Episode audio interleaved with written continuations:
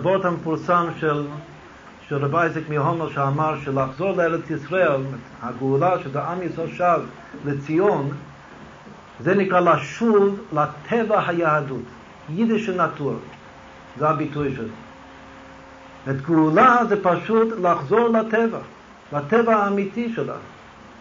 ממילא המצב של גלות זה אי טבע, לא טבעי לגמרי.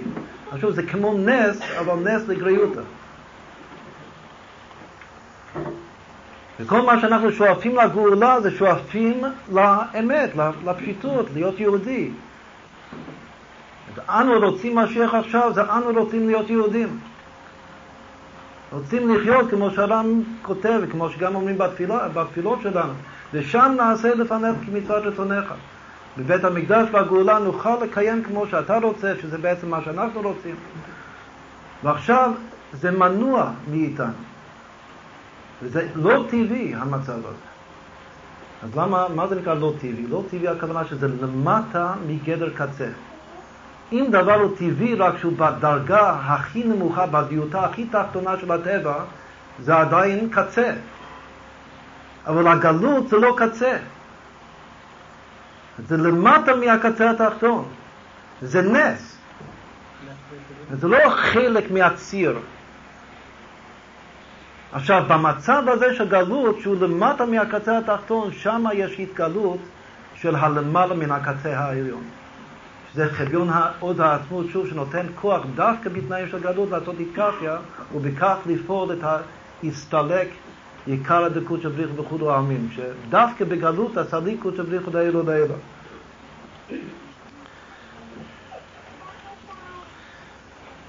שזה נקרא, זה ייחוד הצוות, ייחוד מה של יותר ולמעלה מגדר קצה ולמטה מגדר קצה. שהבחינה של למעלה מגדר קצוות נמשך למטה מגדר קצה. עכשיו הרב ממשיך ואומר, כמו שהיה בתחילת הבריאה, זה עיקר שכינה בתחתונים הייתה. לפני חטא אדם הראשון, בגן עדן מקדם, השכינה הייתה למטה, בגן עדן. אבל אדם חטא, ואחר כך היו עוד דורות שחטאו, והיו שבעה דורות שחטאו, וסילקו את השכינה, כל דור סילק את השכינה עוד רקיע ועוד רקיע, עד שהשכינה עלתה והסתלקה עד לרקיע השביעי, עד שבא אברהם אבינו, ואברהם התחיל להעיר, והוא התחיל להוריד, להמשיך את השכינה מלמעלה למטה. והיו שבעה דורות מאברהם אבינו עד משה רבינו, ומשה רבינו במתן תורה, ובמיוחד במשכן שהוא בנה, המשיך את השכינה למטה לארץ. אבל בתחילה השכינה הייתה למטה, רק שהחטאים סילקו אותה. ואחר כך באו הצדיקים והמשיכו אותה בחזרה. אבל הירידה שלה חזרה רק תהיה לעתיד לבוא. ולעתיד לבוא יהיה זה באופן נעלה יותר מזה. לעתיד לבוא השכינה בתחתונים תהיה הרבה יותר מאשר שהייתה לפני חטא אדם הראשון, בגן עדן מקדם. שיהיה דירה לא יתפלח בתחתונים דווקא. זאת המושג, שזה לשון המדרש, תכלית כוונת בריאת העולם לעשות לא יתפלח דירה בתחתונים. עכשיו, דירה בתחתונים זה משמע כמו שכינה בתחתונים. כתוב שעיקר שכינה בתחתונים הייתה.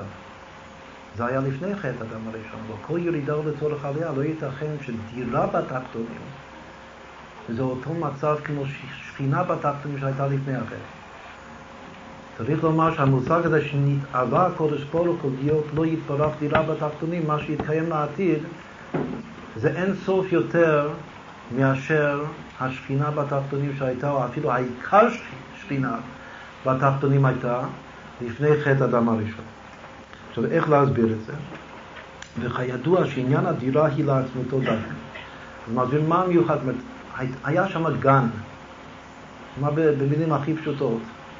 היה גן נעול אחותי קלה, אבל גל נעול לא היה. את הגל נעול זה רק יהיה בדירה. הגן נעול היה בגן עדן, עיקר שכינה בתחתונים הייתה.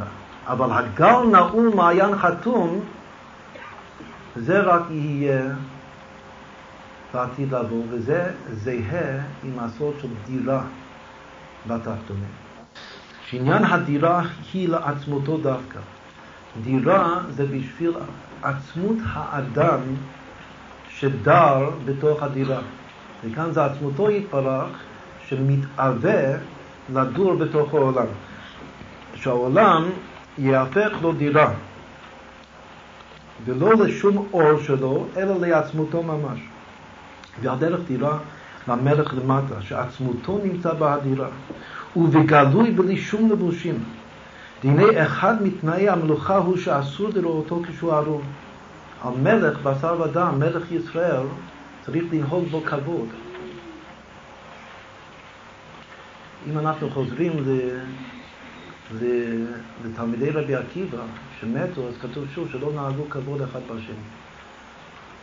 אז אמרנו שלא נהגו כבוד, הכוונה שלא הקשיבו, שלא הקשיבו, הכוונה שלא האמינו אחד בשני, שאין אמון אמיתי אחד בשני. עכשיו כתוב שכל ישראל מלאכים. יש מקום אחד שכתוב בני מלאכים, בבבלי, בירושלים כתוב מלאכים ממש. מלך שמחל על כבודו, אין כבודו מחול. גם פה, זה שלא נהגו כבוד אחד בשני, אולי מחלו, אז אם אנחנו, אנחנו נבוא ונלמד זכות על התלמידים של רבי עקיבא עצמם, אז אולי מחלו, אפילו רב יכול למחול על הכבוד שלו. את אב יש כבוד הורים, כיבוד אב ואם, יש כבוד מורים ויש כבוד מלאכים. האב והרב יכולים למחול על הכבוד. אם הרב יכול למחול על הכבוד, בוודאי שתלמידים בינם ובין עצמם יכולים למחול אחד לשני על הכבוד. עכשיו, מסתומו, התלמידים של רבי עקיבא אמרו קריאת שמע של על המיטה, לפי נוסח האריזה. ו... ושם כתוב שכל לילה אחד מוכר לשני. כתוב בתחילת קריאת שמע של המיטה שאני מוכר לכל מי שפגע בי. מחילה גמורה. אז אפילו אם נלמד זכות על התלמידים, שכל אחד מחל לשני שלא נהג בו כבוד, בכל זאת נגזרה גזירה עליהם ממש. אז צריך לומר שהפגיעה כאן הייתה פגיעה במקום כזה שלא מועילה מחילה.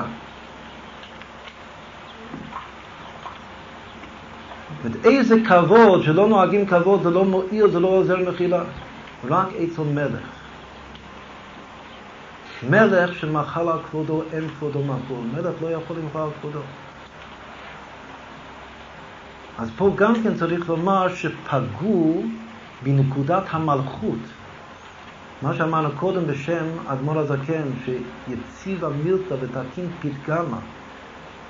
כי כל אחד מתוקן מחברו, והפירוש של כל, כל אחד מתתקן מחברו. אז זה נקודת המלכות, זה שכל אחד יש לו נקודה טובה שאין בה אף אחד אחר, זה נקודת המלכות שלו. שבנקודה הזאת הוא מלך, הוא מלך של כולם, כולם חייבים לו, לקבל ממנו. ידוע שהמלכות היא גם אמונה בסוף, כמו שאמונה בראש זה רדלה, בסוף המלכות היא גם כן אמונה. לא האמינו, לא נתנו כבוד, כבוד זה גם כבוד מלכים. לכן זה דבר שלא עוזר אפילו אם ימחלו אחד לשני זה לא יעזור. עכשיו, אחד מהדברים אצל מלאכים, לכבוד מלאכים, זה שאסור לראות את המלך ערום. כך כתוב בהלכה. אמנם, אז, אז המלך בכל זאת הוא חייב להתפשט ולהתלבש. איפה הוא עושה את זה? אמנם כשצריך להחליף לבושיו, הרי עושה זאת בדירתו. יש לו מקום בתוך הדירה שלו להתפשט, להתלבש. אז זה הסגולה של הדירה. ואף, עכשיו, האבות הזה הוא וורט מאוד מאוד uh, ידוע בחסידות. כשהם רוצים לפרש מה זה דירה בתחתונים, הדירה הכוונה דירה לעצמות, הפירוש שזה מקום שאדם כל כך חופשי שמה, שיכול להתפשט שם מהלבושים. וזה אם זה לא ככה, אם הוא לא מרגיש את עצמו חופשי בדירה להתפשט מהלבושים שלו, הסימן שלא הוא שמה. הלבושים שלו שם. אומרת, האור שלו שם, אבל לא הוא שם. עכשיו, לכן תמיד בחסידות, כשרוצים להמחיש מה הכוונה דירה, מה, מה השם מתאווה מעולם הזה, מה הוא רוצה מעולם הזה, שזה נקרא דירה בתחתונים, זה מקום שהוא ירגיש כל כך אמש, כל כך בבית, בעולם הזה, שיוכל להתפשט. מה זה הלבושים של הקודש ברוך הוא? זה כל העולמות, כל הספירות, כל, הקב... כל לימוד הקבלה, כל העץ חיים, שיכול להוריד את הכל. כל מה שלמדו ספירות ועולמות ועניינים והשתלשלות, שהשם יוכל להסתלק מכל זה ולהתפשט מכל זה ולהתגלות כמו שהוא בעצמו, בלי לבושים. אבל יש בזה תרתי וסרטי, הרי השם נשאר מלך, גם לעתיד לבוא הוא מלך. ואסור לראות אותו ערום. כתוב שאם רואים את המלך ערום, אז זה פועל דרגה של ביטול במציאות באמת, מפלצות בלי שעות. ביטול כזה שהרואה מסתלק מן העולם, מתפטר לגמרי. השם לא רוצה שהמציאות תתבטל. אז אם כן יש פרדוקס לגבי לעתיד לבוא. שכל הכוונה של העתיד לבוא זה לעשות להשם דירה. ומה הגדרת והמחשת המושג דירה? מקום שאתה לא מתבייש להתפשט. מצד שני, אסור לראות אותו כשהוא ערום. מה התשובה לדבר הזה? התשובה לפרדוקס הזה זה נקרא סוד הצניעות. בספר הזוהר הקדוש של השביעי, החלק הכי עמוק שלו, שהוא גם כן יותר עמוק אפילו מהאידרות, הוא החלק בפרשת תרומה שנקרא ספרא דצניותא. וידוע שכל המפרשים של הזוהר מסבירים שספרא דצניותא זה ספרא דרדלה. שהרדלה, הרישא לא ידע ולא התיידע זה סוד הצניעות. צניעות זה כמו אחד ששומר סוד. ידוע בחסידות שיש שלוש מדרגות של שמירת סוד. יש אחד שהוא בא, מישהו שומר סוד, שסיפרו לו איזה סוד וביקשו שישמור על הסוד, לא יספר את זה הלאה. אז כתוב שיש שלוש מדרגות בזה. יש אחד שהוא לא מספר הלאה, וכולם רואים על הפנים שלו שיש לו סוד. הוא מפגין בגלוי שיש לי סוד. ביודעין או שלא ביודעין. הוא חלש אופי. הוא לא יכול לשמור כל כך שלא יראו על הפרצוף שלו שיש לו סוד. יש אחד במדרגה יותר גבוהה, יותר פנימית מזה, שהוא שומר על הסוד כל כך טוב שאף אחד אחר לא מכיר בו שיש לו סוד, אבל הוא בינו לבין עצמו הוא מתפעל מזה שמסרו לי סוד ויש לי סוד. אז בינו לבין עצמו הוא יודע מהסוד, רק שהוא באמת, זה לא, הוא לא מדליף את זה הלאה, אפילו לא בהבעה, בהבעה כלשהי של פנים, זה לא יוצא ממנו. זה נקרא לא התיידע, אבל זה לא נקרא לא ידע. על רדלה כתוב רישא דלא ידע ולא התיידע. מה זה לא ידע? שהוא בעצמו לא יודע מה יש בו, איזה סוד יש בו. המדרגה הכי גבוהה של בעל סוד אמיתי, שברגע שסיפרו לו את הסוד ואמרו שזה סוד, אל תגלה את זה הלאה, אז כדי לשמור עליו, הוא גם משכיח את זה כביכול מעצמו, לעת הצורך. זה כמו פיקדון, הפקידו אצלו פיקדון, לעת הצורך שיבקשו ממנו למסור את הפיקדון, הוא יוכל מיד להיזכר ולמסור את זה. אבל בינתיים, כל זמן שהוא שומר על הפיקדון, זה כמו כסף, שכתוב שכסף, הדרך היחידה לשמור זה רק לקבור אותו באדמה. הוא צריך להסתיר את זה לגמרי, אפילו מעצמו, אבל לחלוטין. עכשיו, זה נקרא רישא דלא ידע ולא התיידע, שהוא לא יודע מה יש בו. ומה יש בו? יש בו חביון עוז העצמות. וזה נקרא צניעותא. הכל זה מדרגות של צניעותא. עכשיו, לעתיד לבוא יהיה גילוי של חביון עוז העצמות בצניעותא, זה פרדוקס, עדיין לא, אי אפשר להבין את זה. מצד אחד השם כן יתגלה, דירה בתחתונים, מצד שני זה כמו שהרבי כאן כותב, זה חידוש כאן במאמר. המשפט הזה, שהמלך, שדירה בתחתונים, הכוונה שהמלך יכול להתפשט מהלבושים בדירה שלו, זו ההגדרה של דירה בתחתונים, זה דבר מפורסם בחסידות. אבל זה שהוא כותב כאן עוד משפט, שהוא עושה את זה במקום צנוע, זה חידוש של, המשפ... של המאמר הזה שלפנינו. עכשיו, המשפט הזה שהוא עושה את זה בצניעות, לכאורה זה גורע מעוצמת ההמחשה. הרי עוצמת ההמחשה זה שהוא כל כך חופשי שיכול להתפשט. וכאן שהוא אומר שעדיין הוא מתחשב ועושה את זה בצניעות, על פני השטח זה גורע מה, מהדירה בתחתונים. אבל צריך לומר להפך, שלא רק שזה לא גורע, זו הנקודה שמסבירה מה ההבדל בין גן עדן מקדם לבין לעתיד לבוא. שבגן עדן מקדם גם והיו שניהם ערומים ולא יתפוששו. היו גלויים גילוי כזה שהביא בסופו של דבר לגלות, שזה הגירושים מגן עדן. גילוי שהוא כמו גילוי עריות שאמרנו קודם. גילוי שזה חשיפה חיצונית ללא צניעות, לא הייתה דת, דת אמיתית, דת עליון, דת הנעלם לא הייתה. ולכן לא יתפוששו.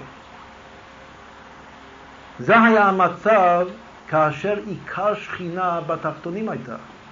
אז לכאורה זה כן, אז בשביל, בשבילם, בשביל אדם וחווה, כל הגן שלהם היה דירה. דירה זה מקום שלא מתביישים. אז כאן הוא כותב שהדירה לעתיד לבוא, הייחוד, זה שזה יותר מהגן, וזה שכן המלך חייב, בפני העם הוא לא יכול, אסור לראות אותו כשהוא אדום. אז הוא חייב דירה בשביל זה. אבל בתוך הדירה גופה, הוא עושה את זה בצניעות. ששוב, על פני השטח זה משפט שגורע מכל העניין. אבל בפנימיות, המשפט הזה הוא, ה... הוא העיקר. שיש כאן המשכה של נשיאת הפכים, שזה גוף הסוד הצניעות, שאם היה נאמר במילים פשוטות, אחד שמתפשט בלי צניעות, מה שמתגלה אצלו זה חיצוניות. ואחד שמתפשט עם צניעות, אז מה שמתגלה בסוף זה חביון עוז העצמות. לכן זה עיקר הנקודה של, של חידוש כאן של, של המאמר הזה שלפנינו. והיינו שבאדירה נמצא עצמות המלך בגלוי בלי לבושים. עכשיו, אחרי זה, את הסוד של הצניעותא, שזה רדלה, אז הוא אומר, והיינו שבאדירה נמצא עצמות המלך בגלוי בלי לבושים. אפשר לומר שזה אחד מהסודות, הטעמים, שנוהגים בהדלקה, שעושים לכבוד רשב"י בל"ג בעומר, היום, אז היה מנהג הראשונים, הקדמונים, וזה עדיין קיים, שהיו זורקים בגדים לתוך האש. היו שורפים לבושים. והדבר הזה היה כל כך תמה, שיש תשובות, שאלות, תשובות שלמות, במיוחד הכל מקובץ יחד בספר שדה חמד. האם מותר, הרי בל תשחיס, היו לוקחים בגדים טובים, בגדים ראויים לבוש, ולא נותנים, לא לובשים את זה ולא נותנים את זה לצדקה, לאיזה עני שזקוק לבגד ללבוש, היו זורקים בגדים לתוך האש. שוב, יש הרבה שאלות תשובות, האם זה מותר הדבר הזה. בל תשחיס. להשחית בגד זה טוב. אבל כידוע שמנהג ישראל תורה היא, וזה דוגמה של מנהג שההתייחסות למנהג צריך להיות בבחינת חוד שבהוד. קשה להבין את זה, את המנהג הזה. חוד שבהוד, צריך להודות לזה. כתוב שיש שלוש מדרגות של, של מצוות והלכות. יש מצווה מדאורייתא, ויש מצווה מדרבנן, ויש מנהג ישראל. לפי החומרה על פי הם מלמעלה למטה. הכי חמור זה מן התורה. פחות ממנו מדרבנן, פחות ממנו מנהג. אבל בשורש כתוב שהוא כחותם המתהפך. כלומר שהמנהג זה כל כך גבוה, זה בא ממקום כל כך גבוה, שעל זה כתוב בתלמוד ירושלמי מנהג עוקר הלכה. שמנהג, שזה הדבר לכאורה הכי קליל, הוא יכול לעקור הלכה. ואפילו ההלכה מדורה, בל תשחיס, בל תשחית, זה מן התורה. וכאן יש מנהג יסוד, מנהג של ל"ג בעומר, שיכול לעקור את זה לגמרי. וזורקים בגדים לתוך האש. עכשיו, כתוב שהמנהג שעוקר ההלכה זה מעולם העקודים.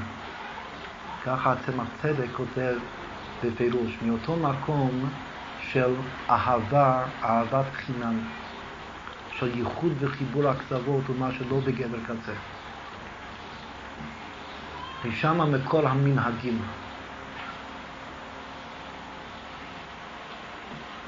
והמנהגים זה מה, מהמקור שנותנים אמון, אמונה למעלה מטעם ודת ביהודים. המנהג זה נולד לאו דווקא מחכמים, מהצדיקים של הדור. יש באמת כתוב בהלכה שהצדיקים צריכים להסכים, אבל היו כאלו צדיקים כמו הבעל שם טוב, ואפילו לפני הבעל שם טוב, שהיה להם חוש כמו הבעל שם טוב, להאמין במנהג ישראל שלא צמח מהם, לחפש לו טעם, לחפש להצדיק אותו, אף על פי שבחיצוניות זה קשה, מהכי גדול, וזה זה הרמו, בעל המפה על שולחן ערוך. שכתוב שאחד מעיקר ה... היסודות שלו זה כל הזמן לנסות אפילו להתכופף לגמרי כדי להצדיק מנהגים. מנהגים שצמחו מתוך העם שלכאורה אין להם מקור בהלכה, ואפילו לפעמים נדמה שסותרים את ההלכה. זה נקרא מקור העם. ישראל עלו במחשבה, מחשבתם של ישראל קדמה לכל דבר, גם לתורה. מחשבת ישראל, משם באים המנהגים, מעולם העקודים, מאהבת ישראל פשוטה. שוב, בל"ג בעומר יש מנהג לזרוק את הבגדים לתוך האש. אז מה, מה, מה יוצא, איך להסביר את זה לפי מה שנאמר עכשיו? זה, הדבר הזה מרמז לעתיד לבוא, כמו כל ל"ג בעומר זה תורה חדשה מאיטית עצה, תורת משיח. ועיקר תורת משיח זה שיהיו שמיים חדשים וארץ חדשה, והשמיים והארץ הקודמים יהיו כמו בגדים שבלו קצת, בגדים גם כן שזורקים אותם בתוך האש. את כל הלבושים של העולם הזה, כאשר ונגלה כבוד השם, וראו כל בשר יחדיו כי פי השם דיבר, כל הלבושים החיצוניים יכלו ויעלו באש, באש של רשב"י. ואז נזכה לשמיים חדשים וארץ חדשה, שמש חדשה וירח חדשה, הכל חדש, ביגוד חדש, מודה חדש, מודה חדשה, לעתיד לבוא. אז כל מה ששייך לעולם הזה, הכל זורקים אותו, זה לא שימושי, זה גם אי אפשר לתת לעני. מה הייתה השאלה? שאם יש לך בגד שהוא טוב, וזהו שתלבש את זה בעצמך, או שתיתן את זה צדקה למי שצריך, יש הרבה אנשים שצריכים בגדים. אבל הבגדים האלה של העולם הזה, אף אחד לא ישרף אותם. אז רק הדבר היחיד שהם יכולים לשמש זה להגדיל את המדורה. מה שהבגדים של העולם הזה יכולים לשמש זה כן שימוש חיובי. וזה התכלית שלהם, לא רק שזה לא בר תשתית, זה התכלית שלהם, זה להגדיל את המדורה של רשב"י. שזה הגילוי של, של פנימיות התורה הנפלאות, שבתוך הנפלאות חביון הודעה עצמות. רק נסיים עכשיו את המשפט, והדרך זהו עניין הדירה לא יתפרק בתחתונים. שעצמותו יתפרק נמצא בגלוי בתחתונים דווקא. וזהו עניין הביט הנפלאות, ייחוד הקצוות, ומה שלמעלה מגדר קצוות, עם מה שלמטה מהם. אז עכשיו שאנחנו כבר בנושאי ל"ג בעומר, כבר ל"ד בעומר, אז אה, דבר ראשון צריך אה, להתבונן ולכוון ש... שאת העניין של ל"ג בעומר זה לא נפסק, כמו כל אה, חגי ישראל, במיוחד אותם חגים מיוחדים ש... שיישארו לעתיד לבוא, כמו שהסברנו אתמול בשם הרבי, של"ג בעומר זה כמו פורים, שזה לא יתבטל אף פעם. ואחד הסימנים לכך, על פי קבלה, הוא ש... שישנם עין בית שמות קדושים שיוצאים משלושת הפסוקים וייסע ויבוא ויד לפני קריאת ים סוף, לפני שירת הים. יש שלושה פסוקים רצופים בתורה שבכל פסוק יש עין בית אותיות. זו תופעה מיוחדת בתורה.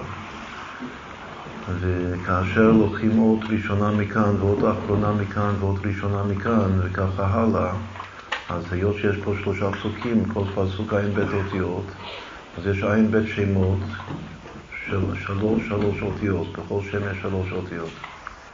אם כי שזה עין בית, ובתפילת העומר יש 49 ימים, כאשר מוסיפים את, ה, את היום האחרון, תספרו 50 יום, שזה חג השבועות, היום החמישים של הנון, זה 50, זה לא עין בית. בכל אופן כתוב שיש הקבלה, וכמו בעוד כוונות בקבלה, כל השמות שנשארו, הכל נכלל ביום האחרון. כלומר שחג השבועות יום החמישים יש פה 23 שמות. יש 49 שמות כנגד ה-49 ימים של ספירת העומר.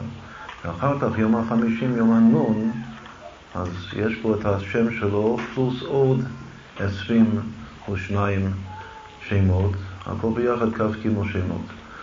אבל כל יום יש לו את השם שלו.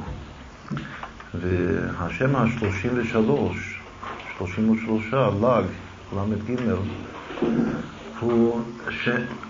כמובן שלרוב השמות האלה, רובם ככולם, אין פירוש פשוט מילולי, אבל יש פירוש סודי כמובן. והשלוש האותיות שמרכיבות את השם הל"ג נגד ל"ג בעומר הוא השם י' ח' ו'. ככה כותבים אותו. באמת אחד הסימנים שיש פה עניין מיוחד כאן, אף על פי שזה עין בית שמות, יש 49, הוא שהשם הראשון הוא השם ו' כו'. שאומרים את זה בחג סוכות, אני והוא. והשם הזה, ו' כו', הוא מופיע בדיוק אותו שם, ו' כו' מופיע עוד הפעם, השם ה-49. כלומר שיש אה, חזרת הגלגל או המחזור, שהשם הראשון והשם ה-49 הם נעוץ סופם בתחילתם ותחילתם בסופם. הראשון זה ו' כו' וגם ה-49 זה ו' כו'. טוב זה טוב, השם הזה ו' כו' הוא שווה טוב בגרמניה. יש פעמיים טוב. כמו הוכבר בו כי טוב, טוב לשמיים, טוב לבריאות, כמו שהרבי תמיד אמר טוב לבריאות, שזה השם הזה ו' כו' של עין בית שמות. אך טוב וחסד, הסימן הוא שהחסד, הרי עין בית זה חסד. החסד שמות זה מתחיל עם טוב. אך טוב וחסד ירדפוני כל ימי חיי. עכשיו, השם הל"ג של ל"ג בעומר הוא י"ח ו', וכשקוראים את זה הפוך, זה עושה את המילה וחי, כמו בפסוק, אשר יעשה אותם האדם וחי בהם.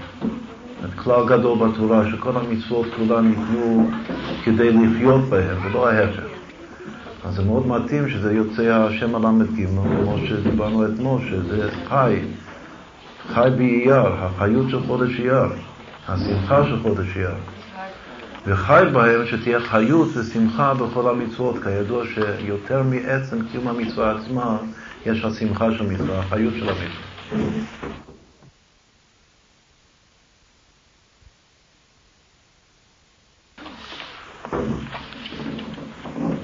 בביטוי הזה וחי בהם,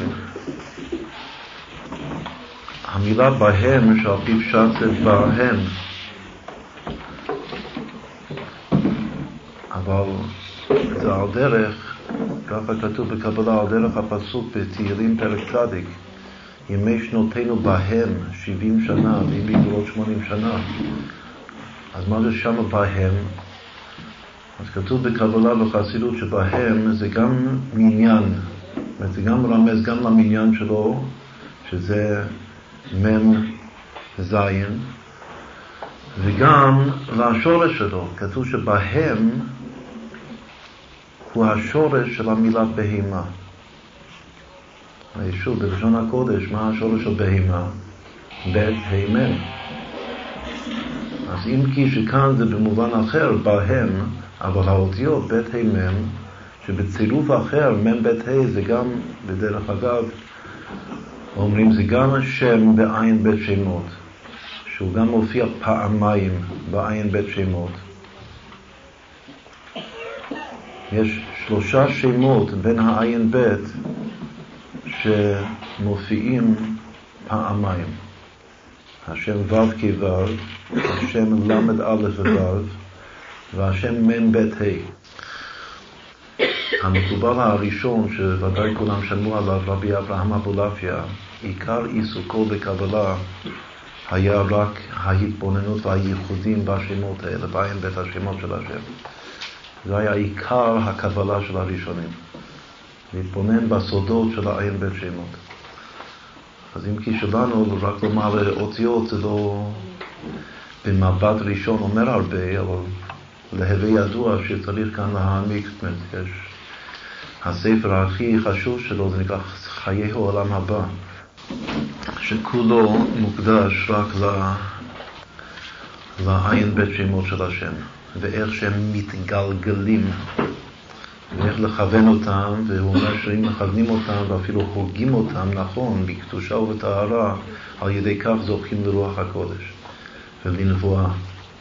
יש נביא בישראל, אומר שאפשר גם בזמן הזה, זה דבר שגם הרבי כותב.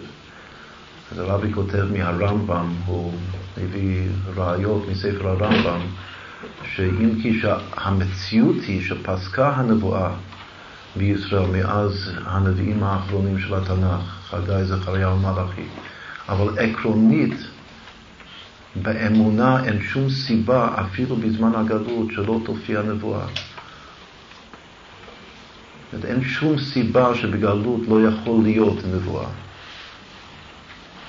את רוח הקודש זה פשיטה, בכל דור ודור יש בעלי אנשי רוח הקודש.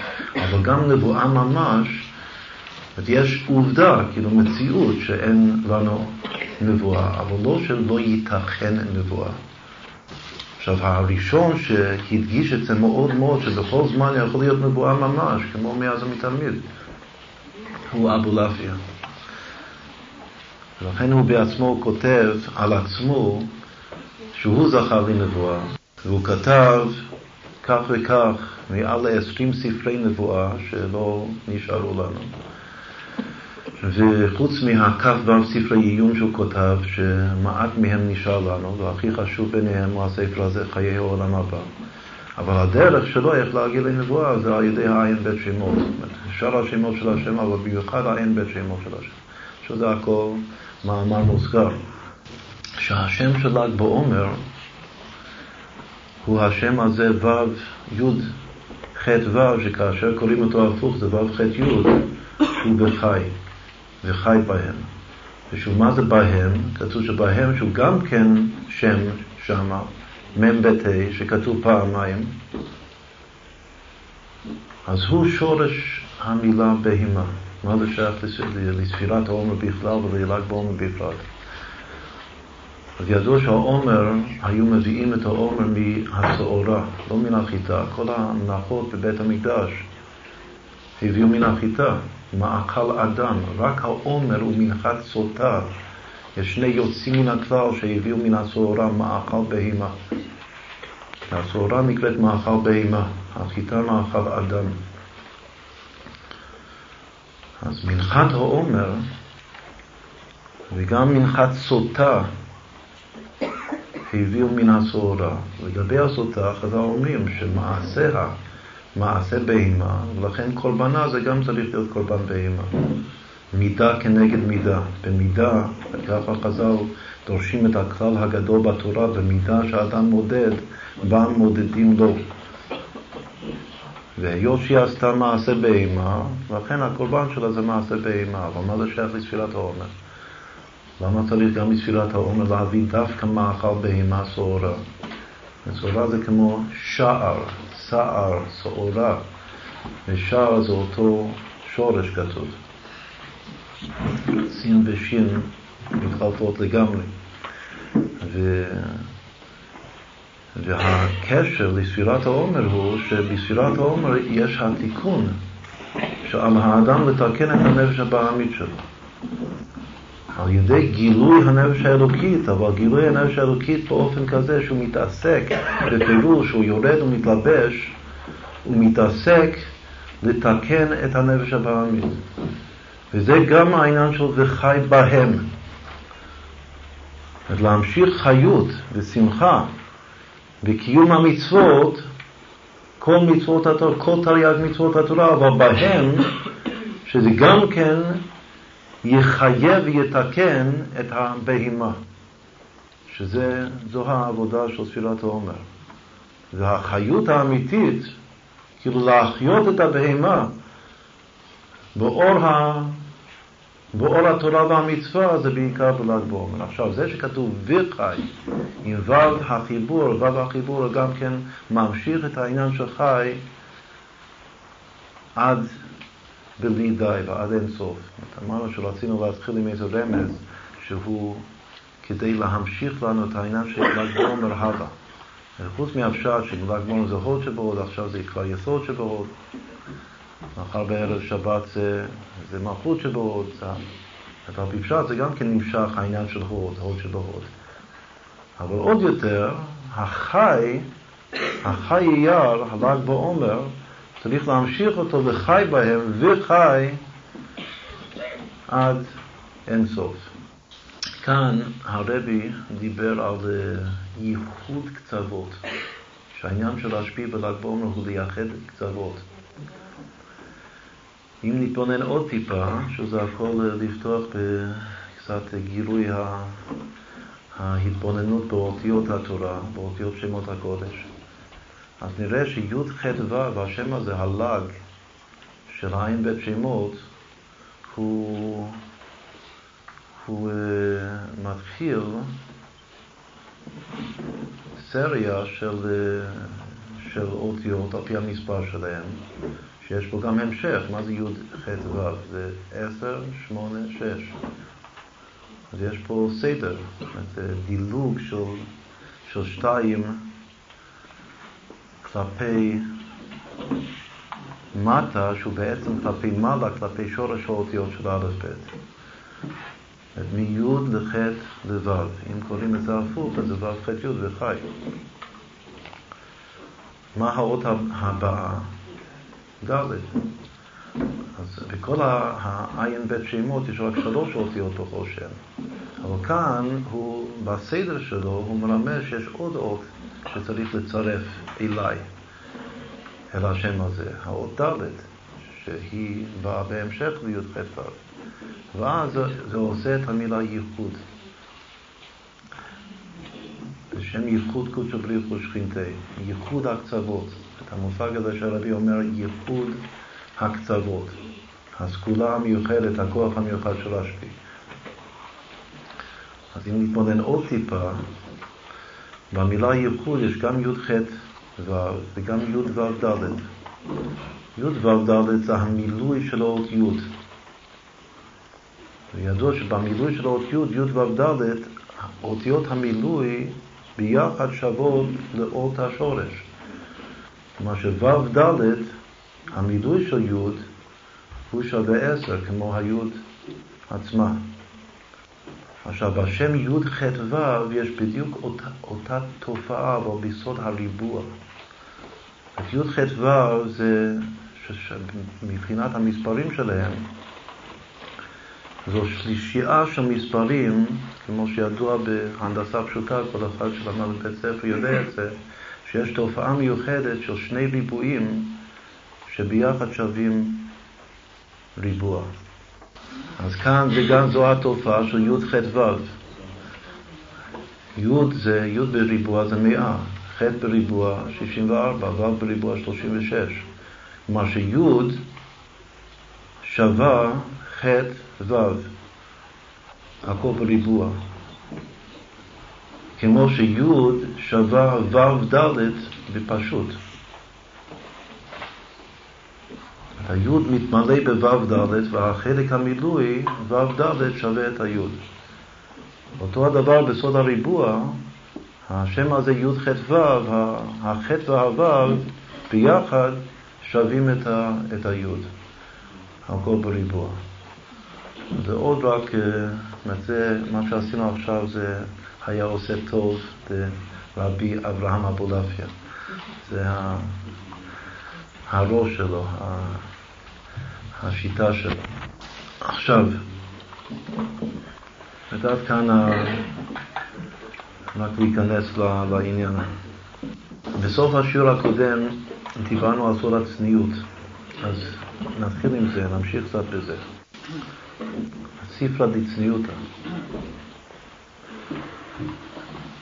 שהמלך תמיד אמר שבחסידות כתוב שמה זה דירה בתחתונים, מקום כזה שאתה כל כך חופשי שאתה יכול להתפשט מן הלבושים. וכאן הרבי מוסיף, עיקר החידוש כאן שמוסיף להסבר הזה, שאף על פי כן הוא עושה את זה במקום צנוע.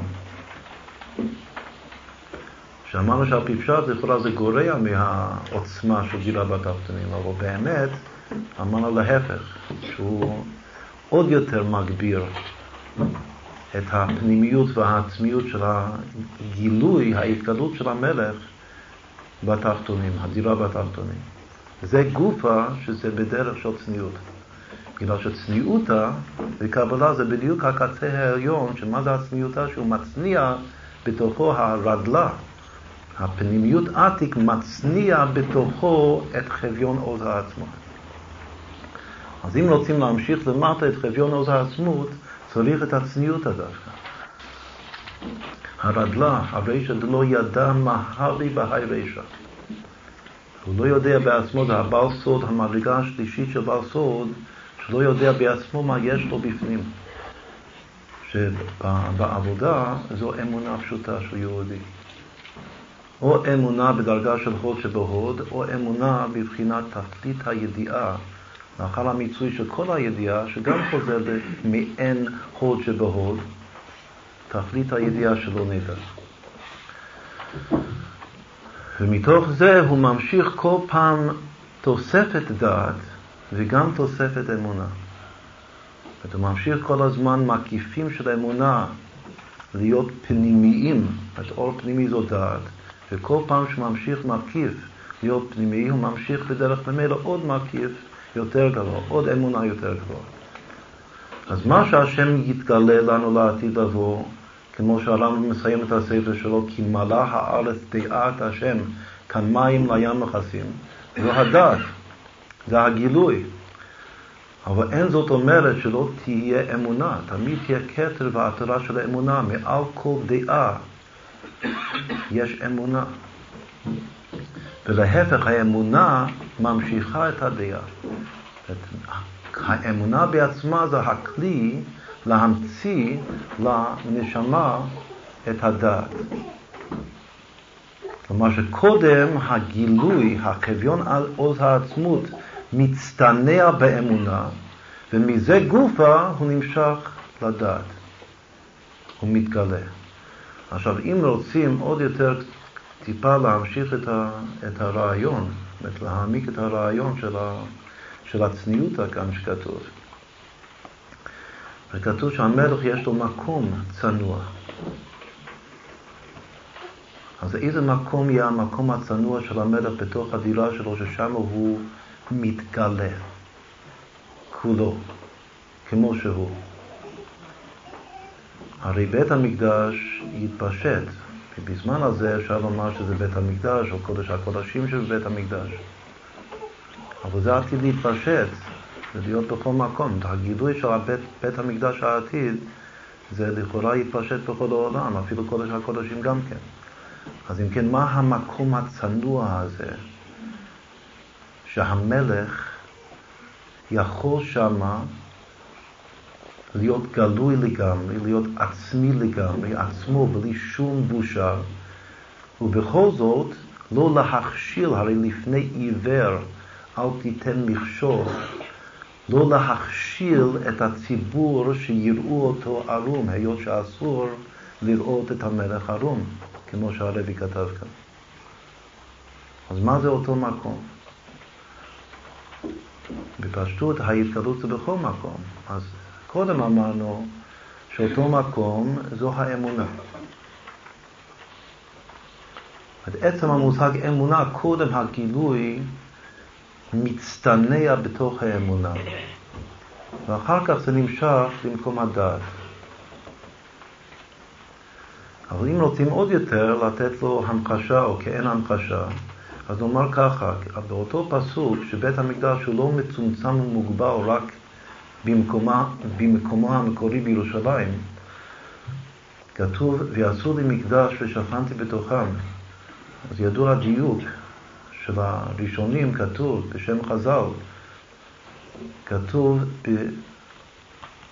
ועשו לי מקדש ושכנתי בתוכם, בתוכו לא נאמר, לא כתוב בתוכו של בית המקדש, אלא בתוכם. ומה זה בתוכם? בתוך הלב של כל אחד ואחד מישראל, בתוך ליבו של כל יהודי. שמה ושכנתי. עכשיו הדבר הזה יהיה ביתר שאת ויתר אות לעתיד עבור, ולכן גם כן אפשר לומר שאם כי שכל העולם כולו יתמלא דעת השם כמים לים החסים. הרמב"ם בעצמו כותב שהיהודים יהיו הכי חכמים. את כולם ידעו את השם, כל אחד ואחד לפום שירותי ליה, גם הגויים שישארו לעתיד עליו. אבל היהודים יצטיינו ביותר כמובן. ככה הרמב"ם כותב בסוף החיבור. עכשיו, עכשיו באותם יהודים גופה שיצטיינו בדעת את השם, אז גם הקודש ברוך הוא יצטנע בתוכם בנקודה אחת שהיא עצם נקודת האמונה. איפה הנקוד, האמונה הזאת נמצאת? היא נמצאת בנקודה הפנימית של הלב, לא במוח. ובמוח יודעים. אבל כמו שהרבי כותב בהרבה מקומות, היחידה שבנפש, ופנימיות היחידה, פנימיות עתיק, רטלה, מקור מעיין החתום של הנפלאות, הגל נעול מעיין חתום, שנסביר את זה יותר בהמשך, בעזרת השם. ומעיין מבית השם יצא, וישקע את נחל השיטים. המעיין הזה הוא אין, הוא העין, אבל הוא אין השכל שבלב. עכשיו, אם כבר רוצים לדעת איפה השם יצטנע, גם, לעתיד, גם אחר ביאת המשיח, אחר תחיית המתים אפילו. הוא יתגלה כולו, אבל במקום צנוע, המקום הצנוע הזה זה בתוך הלב של כל יהודי. שזה בדיוק כמו הפסוק, ועשו לי מקדש ושכנתי בתוכם, בתוכו לא נאמר, אלא בתוכם. בתוך, בתוך הלב של כל אחד ואחד מהם. אז ככה גם יהיה לעתיד. להפך, הדיוק הזה שבתוכם, הוא יהיה עוד יותר מודגש לעתיד לבוא מאשר בזמן שבית המקדש היה קיים בעבר. בזמן שבית המקדש היה כאן בעבר, זה היה יותר על פי פשט שהשכינה שורה בתוך הבית, בתוך הבניין הזה. וזה רק דרוש שבתוכו לא נאמר, אלא בתוכם, בתוך הלב של כל אחד ואחד מהם. אבל דווקא לעתיד לבוא, הדרוש הזה, הוא יהפוך להיות הפשט. הדרוש שבתוכם ולא בתוכו, זה בעיקר יהיה הפשט לעתיד לבוא. שעיקר גילוי השכינה והעצמות, חביון עוז העצמות, יהיה בתוך הלב של כל יהודי. ומהלב לדעת שבמודע של המוח, ומהמוח לשאר האיברים. יש מה שהלב, ליבה פליג לכל שייפין. מחיצוניות הלב יש שפע ישיר שהולך לכל האיברים. אבל לגבי פנימיות הלב, מפנימיות הלב קודם החיות, המעיין, הנובע, עולה למוח ומשם מתפשט לכל איברי הגוף. עכשיו עוד, לומר עוד uh, עניין בסוד הצניעות. אה? יש מאמר, מאמר חז"ל מאוד מאוד חשוב שמופיע במסכת דרך ארץ, מסכת קטנה, שהוא גם קשור באופן מיוחד לספירת העומר, היות שספירת העומר, התקופה הזאת נקראת דרך ארץ קדמה לתורה. את כל התיקון הזה, התיקון של בחי בהם, לפי הפעילות של בהם, זה השורש של הנפש הבעמית. תמשיך חיות של הנפש האלוקית לתוך הבהם, כמו ימי שנותינו בהם, 70 שנה וכו'. אז דווקא התקופה הזאת זה נקרא דרך ארץ קדמה לתורה, לכן לומדים פרקי אבות, שזה תיקון המידות, דווקא בימים האלה של ספירת העומר. אז יש מסכת, מסכת בחז"ל שנקראת מסכת דרך ארץ. זאת מסכת לא ידועה כל כך, זה נקרא מהמסכתות הקטנות. ושם יש מאמר מאוד מאוד אה, יפה וחשוב, שהוא הוא ככה, כתוב הדר תורה חוכמה. הדר חוכמה ענווה. הדר ענווה יראה. הדר יראה מצוות. הדר מצוות צניעות. ההדר, החוד וההדר, זה כמו שרבי שמעון אמר ששנו מידותיי, שמידותיי הן תרומיות שבתרומיות הן מידותיו של רבי עקיבא. זה ההדר, ההידור, הידור מצווה.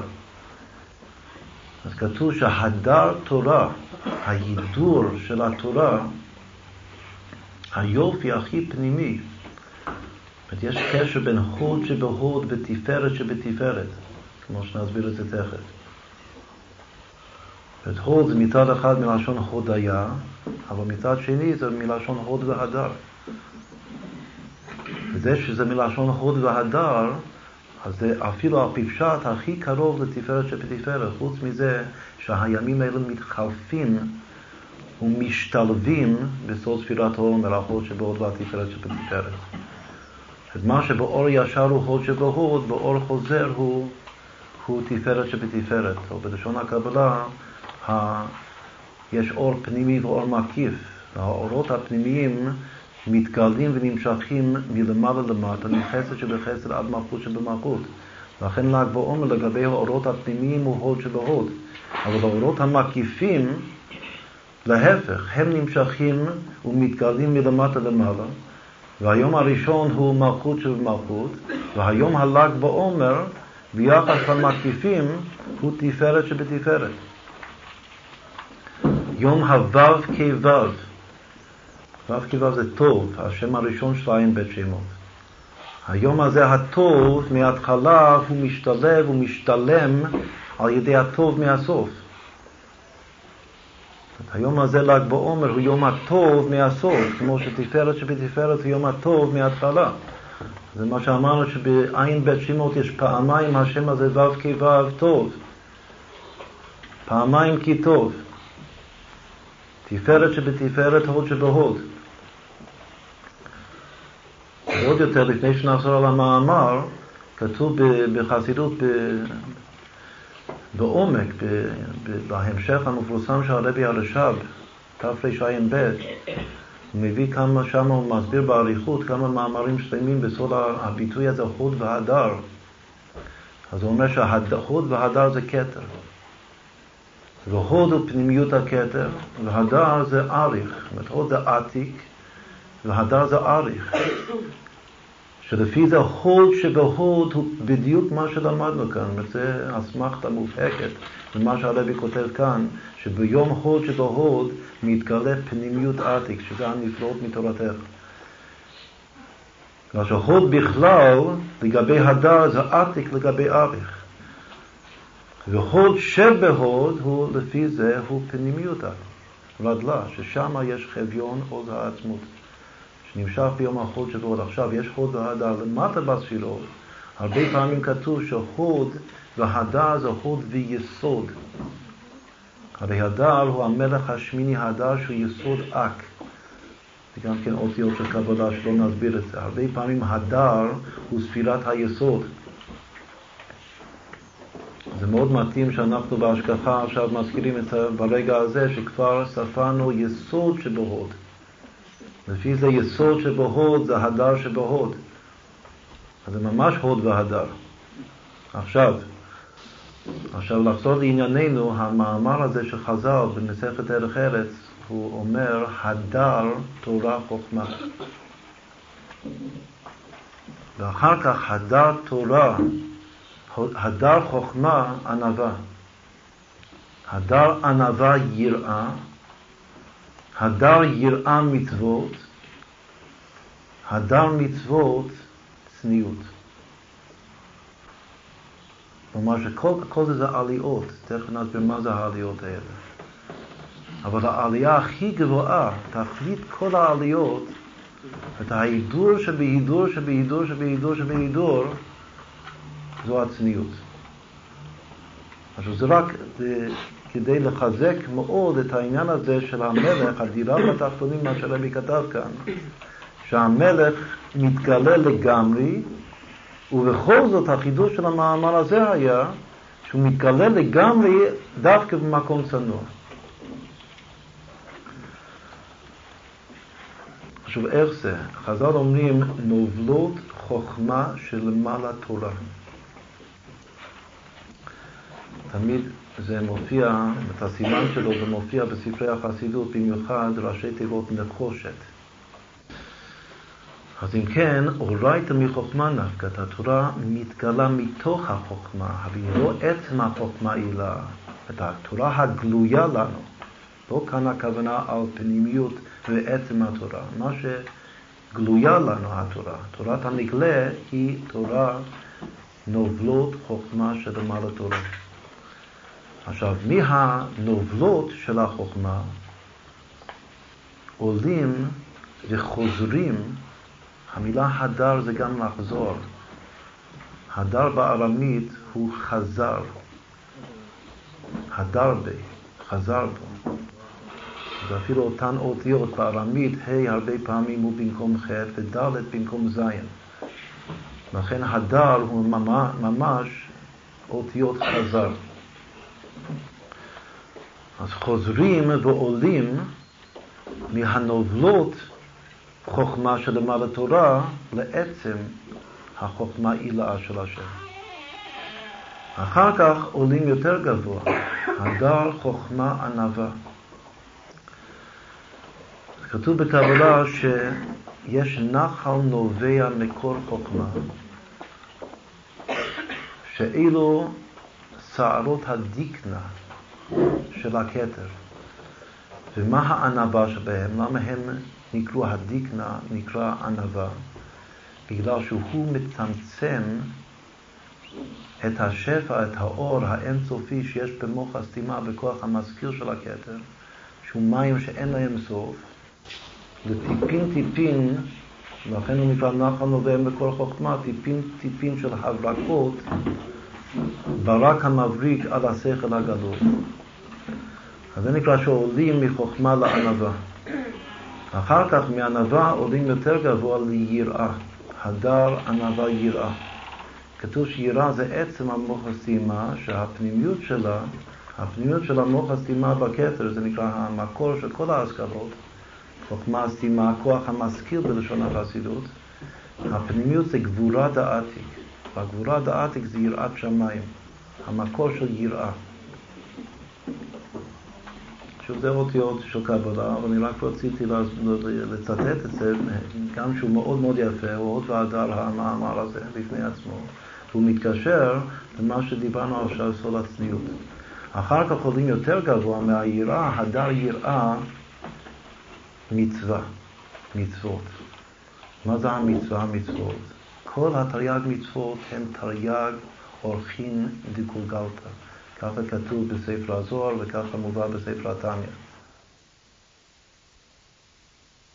וכל המצוות זה בחסד של עתיק שמתלבש בגולגלתא של אריך. כאן אנחנו נוסיף עוד עניין בגל, זאת הבוקר אמרנו שגל זה לשון לגלגל. עכשיו, מאותו שורש לגלגל יש גולגולת. אז גל זה גם קשור לגולגולת. זה גם כן קשור למה שלמעלה מהגולגולת. את גולגולת, כידוע, שחוץ מעצם הגולגולת, ש... שהיו מונים את היהודים, לוקחים מהם מחצית השקל כדי, את אסור למנות יהודים, את להצביע על יהודים למנות אותם, לסבול אותם. בכל זאת, בתורה כתוב שזה לגולגולת, גולגולת זה מילה שמופיעה בתורה לא, לא רק בשביל העצם הזה, זה כינוי לעצם המציאות של היהודי. עומר לגולגולת. שייך לספירת העומר. שייך לירידת המן. המן של ל"ג בעומר זה היום, לפי דעה אחת בחז"ל שהמן ירד וחי באייה. אז במן כתוב עומר לגולגולת. ספירת העומר לגולגולת. וזה גם רמז מאוד נפלא שהעיקר של ספירת העומר זה הגל שבו, הגולגולת שבו, ל"ג בעומר. עכשיו, זה חז שזה מקור המצוות. אבל יותר גבוה מהגולגלתא יש רדלה. ועל זה כתוב הדר מצווה צניעות. מי שרוצה לראות וללמוד את הנושא הזה, את כל המאמר הזה יותר לעומק, יש בספר שלנו, שכינה ביניהם, הפרק האחרון שלו, הוא נקרא בשם הזה הדר מצוות צניעות, והוא מסביר הרבה יותר לעומק את כל המאמר. זאת אומרת, הוא על פי המאמר הזה במסכת ערך ארץ של הדר. הדר תורה חוכמה, הדר חוכמה ענווה, הדר ענווה יראה, הדר יראה מצווה, הדר מצווה צניעות. והעיקר זה הצניעות, ושוב הצניעות זה לחזור לרדלה. בפנימיות העתיק, ששם חביון עוז העצמות, כמו שהרבי כותב כאן.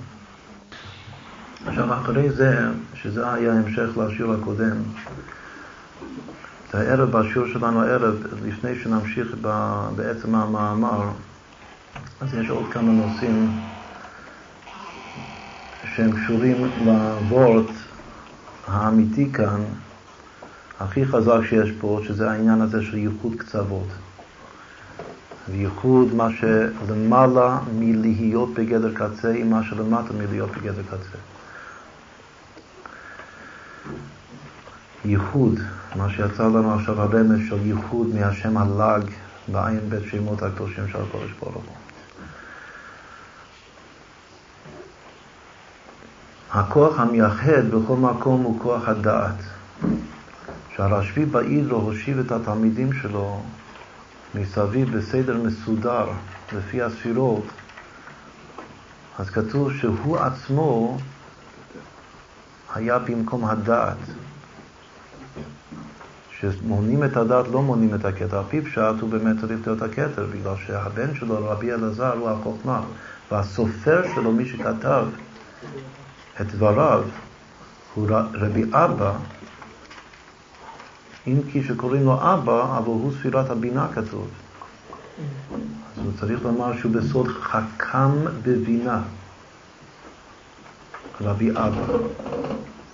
רבי אבא הוא הסופר, ואלו השלושה הם העיקר, רבי שמעון ורבי אלעזר ורבי אבא. אז או שזה כתר, חוכמה, בינה, אבל המפרשים מסבירים, המקובלים, שבאמת רבי שמעון היה בבחינת דת, רק הדת, שהוא הדת הנעלם, שיש לו שורש יותר גבוה גם מהחוכמה והבינה. לכן הוא, מח... הוא מייחד אותם, אז הוא גם מייחד את החוכמה והבינה, אחר כך הוא יורד מטה כדי לייחד את השכל והרגש. אבל כל ייחוד בכלל, הכוח לייחד הוא הדת, שזה רבי שמעון. לייחד קצוות. לכן כשאנחנו לומדים על דרך החסידות מה המושג והשם אפילו, המונח הפנימי של כל ספירה, אז מי שלמד בשיעורים שלנו, אז יודעים שלכל ספירה בקבלה יש מונח בחסידות שזה האור הפנימי של הספירה הזאת. את האור הפנימי של, ה, של החוכמה זה ביטול, האור הפנימי של בינה זה דיברנו הרבה אתמול והבוקר. האור הפנימי של הבינה שמחה, עם הבנים שמחה. האור הפנימי של חסד האהבה, של גבורה יראה וכך הלאה. וכאשר נותנים את המונח המדויק לפנימיות של הדעת, בכתר יש גימול ראשין שבכתר, יש אמונה ותענוג ורצון. אבל דעת, הפנימיות של הדעת היא ייחוד, מידת הייחוד. כלומר, הכוח המייחד. וזה כוחו המיוחד של השפיע. לייחד באהבה, ענן בחביבותא טליה מילתא, כמו שדיברנו באריכות הבוקר. עכשיו, כדי לייחד קצוות, נחוץ עוד כוח בנפש. אם אני רוצה לקחת ממש מקצה אחרון, מקצה שהוא רחוק רחוק, מקצה אחד, ולייחד אותו עם קצה שני שהוא גם רחוק רחוק לגמרי ממנו.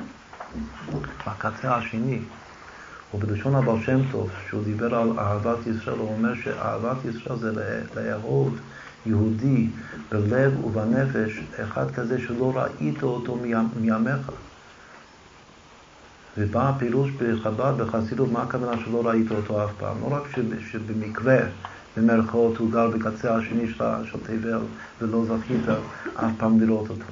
הכוונה שאפילו שהוא השכן שלך הקרוב, אתה לא ראית אותו אף פעם, הכוונה שאין בינך לבינו ולא כלום. אין שום קשר שכלי, רגשי. אתה לא רואה אותו, הוא לא אומר לך כלום. אין לך שום זיקה אליו. בכל כוחות המודע של הנפש אתה לא רואה אותו בכלל. לא ראית אותו ואתה לא רואה אותו. ואהבת ישראל זה לאהוב יהודי כזה שלא ראית מימיך. שוב, זה נקרא שיש שני יהודים שהם בקצוות רחוקים שונים, זאת קודם אמרנו שהסימן המובהק הבוקר של האהבה, אהבת ישראל זה להקשיב, לתת אמון להאמין באחד שגם כן, אם לא ראית אותו, הכוונה שאין לך הוכחה לדבריו, לא ראית, אין ראיה למה שהוא אומר, אבל אתה עדיין מאמין שוודאי יש פה משהו, יש פה נקודה טובה ונקודה טובה כזאת שאין בכך, שאין בי. חייב להיות לו נקודה טובה שאין בי, אז אני מאמין בזה, זה ממש אמונה, בגלל שאני לא רואה את זה בינתיים. אני רק מאמין בזה, אבל בגלל שאני מאמין בזה אני מקשיב. אני מקשיב כדי לקלוט את זה, שאני מאמין שהוא קיים, הוא נמצא שם, צריך רק להקשיב טוב עד שנקלוט את זה. וזה היה הוורט שהדגשנו הרבה הבוקר. אז גם פה זה יהודי שאתה לא ראית מימיך, אין בו שום ראיה אצלך לשום טוב, וצריך להאמין בו. כלומר ששוב, יש פה שני קצוות רחוקים לגמרי. אין שום קשר שמודע ביניהם. אם כבר אמרנו עד, עד, עד, עד, עד כאן, אז נוסיף עוד מילה, שזה רעיון אה, מהמדע היום, שגם אנחנו אוהבים מאוד אה, לומר את זה. אולי שמעו את זה בשיעורים הקודמים שלנו, שהיום השפיץ של המדע של הפיזיקה, שיש תופעות לא מקומיות. זאת יש מה שנקרא העברת מידע. להעביר מידע ביקום מנקודה לנקודה אחרת ביקום, אי אפשר להעביר מידע במהירות יתר על מהירות האור. נתשייך. ואף על פי כן, אנחנו למרבית הפלא מוצאים שיש דברים שכאילו יודעים אותם ספונטנית מקצה אחד של היקום באותו רגע ממש בקצה השני של היקום. אין כאן המקום, זה לא עכשיו סמינר המדע, זה בעזרת השם פעם אחרת. אבל יש, זה נקרא תופעות לא מקומיות, שזה השפיץ של השפיץ היום בפיזיקה. אז אם כן, זה סותר את כל המושג של מקסימום מהירות, שהוא מהירות האור. שאי אפשר להעביר מידע יותר מהר מאשר מהירות האור. אבל מה זה אומר לנו בנפש? במילה אחת פשוטה, שאמונה כן מדלגת, וזה עכשיו מילת המפתח, האמונה מדלגת ספונטנית בן רגע מקצה אחד של היקום לקצה השני של היקום יותר מהר מאשר מהירות האור. את מהירות האור זה מקסימום לגבי דעת. דעת זה אור, אור במודע. אור במודע לא יכול לנוע יותר מהר מה, מהמהירות הזאת המקסימלית של הפיזיקה, מהירות האור. אז להעביר דעת באמת יש גבול. אבל אמונה קופצת מן הקצה אל הקצה ללא שום הגבלה, שום מדידה ושום הגבלה, וגם לא מדידה והגבלה של מהירות האור. שזה נקרא שהוא לא מקומי. וגם כן מה שמרמז למה שאמרנו אתמול, של"ג בעומר זה נפלאות מתורתך, שזה נון פלאות. כתוב שהנון פלאות זה כמו שהארון הוא אור נון. ועל הארון כתוב שמקום הארון אינו מן המידה. כלומר שזה במקום, זה לא, זה, יש שם איזו תופעה לא מקומית. זה גם כן על דרך לעתיד לבוא, שקודש הקודשים והארון, מקום הארון יהיה בכל מקום. בתוך הלב, הנקודה הפנימית של הלב, הצניעות האמיתית, שזה השפעת השכינה בעצם היהדות בנקודה הפנימית של הלב, מקום הארון. עכשיו, עכשיו, זה היה כדי שנאמר עוד מילה, עוד אה, מילה מאוד מאוד חשובה בקבלה בחסידות, המילה דילוג. את מהירות האור זה לא דילוג, זה המשך, המשכיות. אבל אמונה, יש באמונה יכולת של לדלג. הגאולה, אנחנו יודעים, תבוא, זה פסוק בשיר השירים, כל דודי הנה זה בא, מדלג על הערים, מקפץ על הגבעות. וחז"ל דורשים את הפסוק הזה, מדלג על הערים, גם לגבי יציאת מצרים, גם, גם לגבי גאולת מצרים, ועוד יותר, דורשים את זה על מלך המשיח. שמלך המשיח זה גם הנה זה בא, מדלג. עכשיו כאן רשב"י, קודם אמרנו שרשב"י זה הדת, אבל אמרנו שדת יש לו גבול, יש לו הגבלה כמו מהירות האור. אבל הוא גם הכתר. הוא דעת, הפרדוקס של הרשב"י, שהוא כוח ייחוד לייחד קצוות ולייחד משהו לא בגדר קצה, שזה עוד יותר פלא, לדל, לחבר אותם או לייחד אותם בסוד הדילוג. שוב, יש, אולי ננסה להמחיש את זה קצת על, על ידי אחד מהסיפורים המופלאים של רבי נחמן מברסלב, בזין בטר שלו. אז יש שם סיפור, אני רק אומר את, ה, את התמצית, מה שנוגע לנו, שיש שני ציפורים ש, שהם בני זוג, והם נעבדו אחד מהשני. ואחד נמצא בקצה אחד של העולם, והשני נמצא בקצה השני, והם נורא מסכנים. אז שכל אחד מתגעגע ורוצה לחזור הביתה לבן הבת זוג שלו, והם נעבדו לגמרי אחד מהשני. עד שבא אחד מופלא, והפלא שלו זה הקול שלו. הוא יכול לעשות מה שקוראים בעולם להשליך את הקול.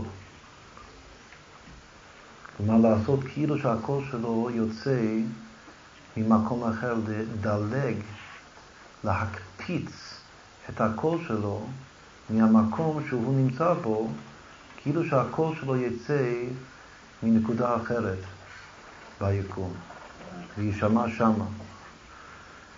אז מה הוא עושה? שוב, זה התמצית, זה, סיפור, זה חלק מסיפור אה, ארוך שכדאי לקרוא את זה בפנים כמובן. הוא עומד באיזשהו מקום באמצע, וגם לא כל כך חשוב איפה הוא נמצא, והוא משליך את הקול שלו לכל כיוון, לשני הכיוונים הקיצוניים ביותר, וככה הוא פועל שאחד ישמע את השני, וככה יתקרבו אחד לשני, עד שבסופו של דבר הם, הם חוזרים יחד, נפגשים ושמחים להזדווג שוב יחד.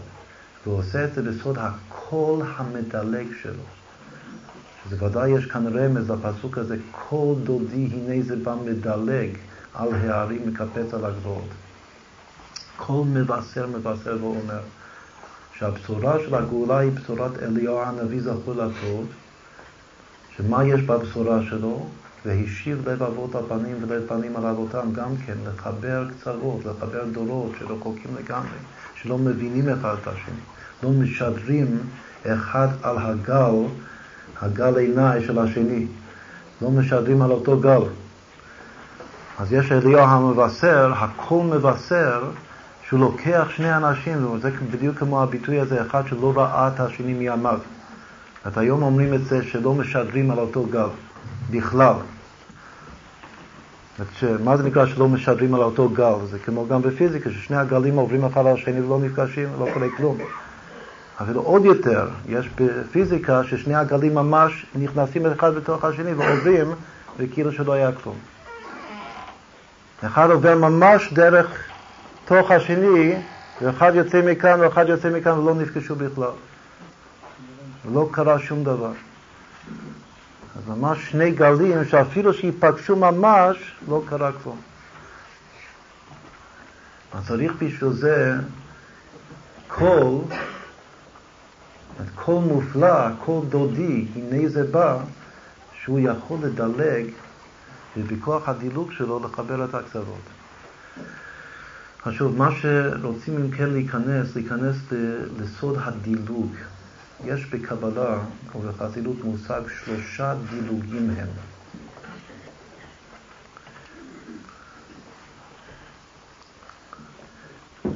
דילוגים זה שוב, זה תופעה לא מקומית של יכולת לחבר קצוות כאלה שהקצוות הם ממש דבר והיפוכו ואף על פי שזה דבר והיפוכו אפשר בכוח הדילוג לייחד אותם. עכשיו, אם הרשב"י הוא המייחד קצוות, הוא מייחד גם כן מה שלא בגדר קצר שלו, אז זאת אומרת שגם לרשב"י יש את הקול המופלא הזה, שעל זה אומרים הפסוק שאמרנו קודם, חברים מקשיבים לקולך, השמיעיני. השמיעיני זה שמעון רשב"י. אז צריך להקשיב, כתוב, הש... חברים מקשיבים לקולך. את הסוד שלו זה הקול שלו. ובקול שלו הוא מחולל את סוד הדילוג. ועל ידי הדילוג, עוד פעם, מה זה לחבר קצוות? לחבר קצוות כאילו שאני צריך להיות בו זמנית בשני הקצוות. אם אני רוצה לחבר שני אנשים שהם לגמרי רחוקים, כמו שאמרנו, שכל כך שלא משדרים על אותו גל, שיכולים אחד לעבור דרך השני ולא להיפגש בכלל. אז כדי לחבר אותם, אני צריך להיות בו זמנית אחוז בשניהם. זה כמו שכתוב, הצדיק אמת, האחיד בשמי וערה. שהוא בו זמנית אחוז, יש לו אחיזה בשני מקומות קיצוניים, כמו שמיים וארץ. כי חול בשמיים ובארץ, תאחיד בשמי וארץ. שהוא אחוז גם בשמיים וגם בארץ ביחד. בלשון החסידות אומרים אינוורט אויסוורט. ובתוך העולם ומחוץ לעולם בו זמנית. אבל כאן אנחנו מדברים כמו על שני אנשים שהם לגמרי רחוקים וצריך לבוא איזה צדיק ועמך כולם צדיקים. זה התפקיד של כל אחד ואחד מאיתנו. להיות הצדיק הזה, שבסוד הקול שלו הוא יכול לדלג, הוא כאילו נמצא אצל כל אחד מהם, והדילוג שלו זה לא לוקח זמן בכלל. כמו שאמרנו שהתופעה הזאת זה למעלה מהזמן. אבל בכל זאת, ב, כאילו בראש, מה שקורה שכל הזמן הוא מדלג, אני רוצה לחבר את הימיני הזה הקיצוני עם השמאלני הקיצוני. שוב, כדי רק שנבין מה אנחנו מדברים. אז צריך איזה כוח שכל הזמן, שהוא זה למעלה מה, מהמקום והזמן, כל הזמן הוא מדלג בקול שלו. הוא נמצא כאן והוא נמצא כאן בו זמנית, ולאט לאט הוא מקרב אותם בדילוג שלו, הוא מייחד אותם, מחבר אותם. עכשיו שוב, זה יהיה, זה עכשיו אנחנו רוצים להקדיש את השיר הערב לדבר הזה, שנקרא סוד הדילוג. כתוב בחסידות שיש שלושה דילוגים, והם הדילוג מעצמות השם לאור אינסוף, זה דילוג ראשון. הדילוג השני הוא מאור אינסוף לקו והחוט שלאחר הצמצום הראשון, זה הדילוג השני. והדילוג השלישי הוא מהקו החוט לעולמות, שעולמות הם אק אביה. אדם קדמון אצילות פרי היצירה עשייה. עכשיו, הדילוגים האלה הם דילוגים קיומיים תהומיים, כלומר שאין שום קשר ויחס בין קצה אחד, בין תחילת הדילוג לבין סוף הדילוג. זה דילוג מקצה לקצה ויותר מאשר מקצה לקצה. שהם לא שני קצוות של אותו ציר בכלל, הם לגמרי מצבים שונים והפוכים. עכשיו, לומר את זה במילים של החסידות, הדילוג הראשון מעצמות השם לאור אינסוף הוא דילוג מעצם המושג העלם, מהעלם עצמי, זה הביטוי בחסידות, לגילוי. בגלל שאור אינסוף הוא כבר גילוי.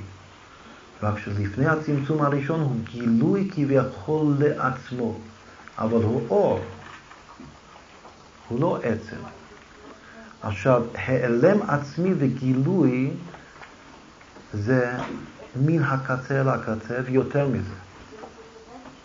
אז כדי לעבור או לחבר עצם שהוא העלם בעצם, הוא נעלם בעצם, ושוב, הנעלם כאן הוא כל כך נעלם, שלא הכוונה שהוא נעלם ולא גלוי, אלא הכוונה שאצלו, מה שאנחנו קוראים הלם וגילוי, שניהם הם לא משחקים כמו שאומרים, לא שייכים. ולעבור ממצב כזה למצב שהוא בפירוש גילוי, זה דילוג, זה נקרא הדילוג הראשון. הדילוג השני הוא הדילוג מאור אינסוף, והדילוג הזה הוא על ידי, באמצעות הצמצום הראשון, כלומר שהצמצום הוא-הוא פועל את הדילוג. והצמצום פועל את הדילוג הזה השני כדי לעבור ממצב של בלי גבול לגבול. האור אינסוף שלפני הצמצום, אור בגימטיה אינסוף. הוא גילוי אינסופי. אז התכונה שיש לו שהוא אינסופי, הוא לא נגמר. ומה זה צמצום הראשון? בשביל מה הוא בא?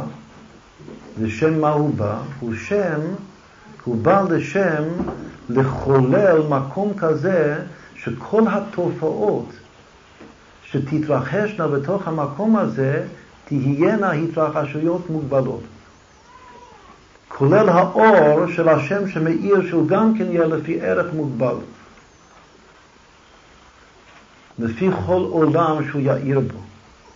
שהוא יהיה קו וחוט דק של אור. שיקרין את הקרן שלו לתוך המקום הזה.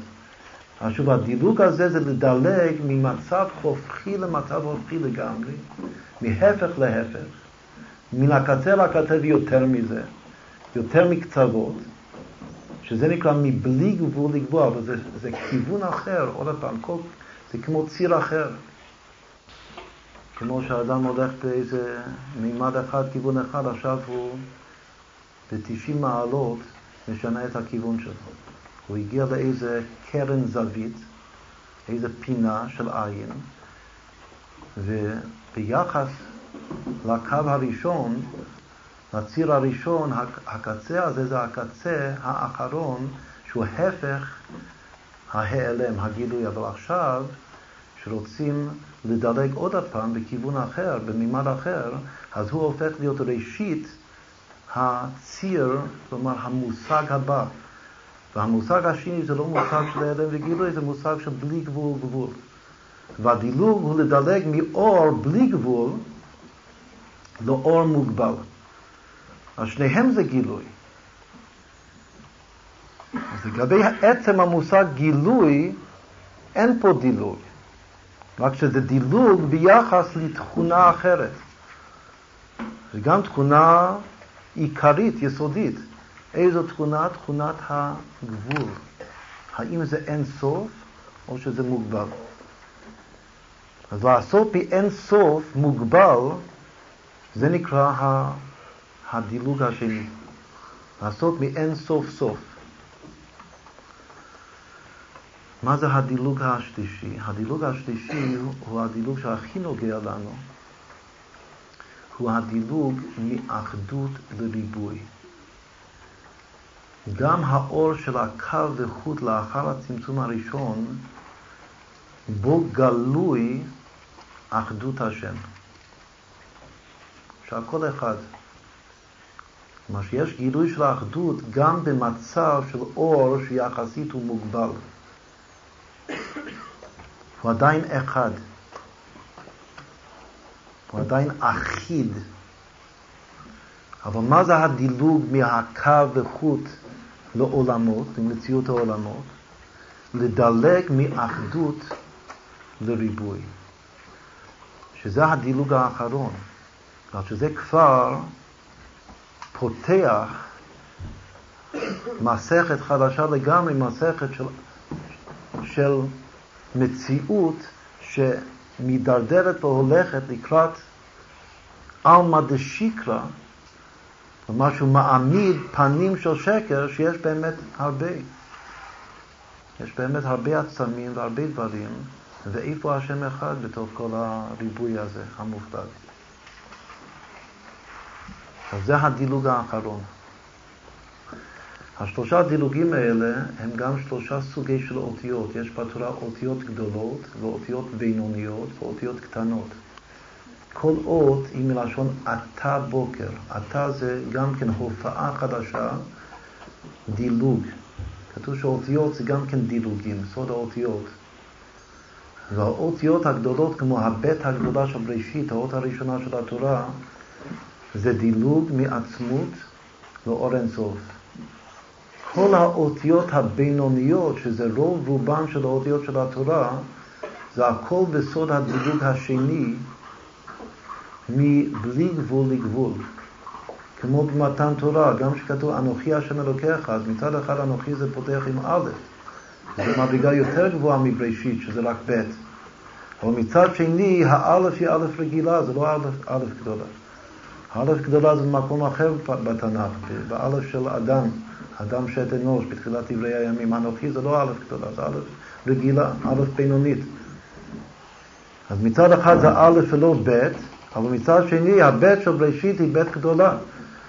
ב' רבתי, והאלף של אנוכי זה א' רגילה. למה? בגלל שהאלף הזאת כתוב, אנא נשי כתב התייהבית. אני צמצמתי את עצמי לתוך דברי התורה. כל התורה כולה זה שהשם מצמצם את הבלי גבול שלו, שלו אור אינסוף, שיופיע בגבול של מילים ספורות ורעיונות ברורים ומוגדרים, מצוות מעשיות עם דקדוקים ודקדוקי דקדוקים, הכל בשיעור, כל המצוות של התורה וכל התורה כולה זה דברים שבאים בשיעור.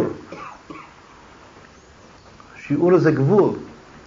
לכן רוב רובן של האותיות של התורה זה הכל אותיות בינוניות, בגלל שכל סוד התורה הוא להמשיך את הבלי גבול לתוך הגבול, או לדלג מהבלי גבול לגבול, שזה הדילוג השני.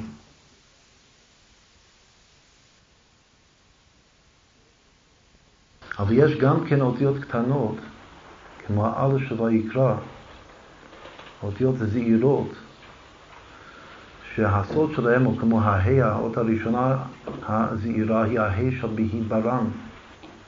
באמת בהיברם זה לשון רבים, אלה תודות, אלה גם לשון רבים, אלה תודות השמיים והארץ בהיברם, בהיברם, ה' קטנה. מה זה הסוד שם?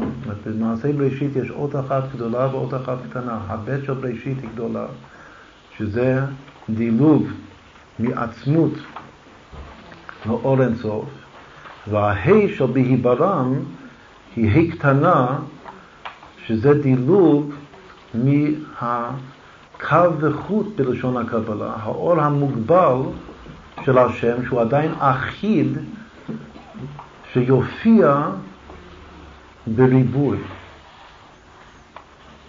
כריבוי עצמים, הרי ותר, דברים נפרדים אחד מהשני.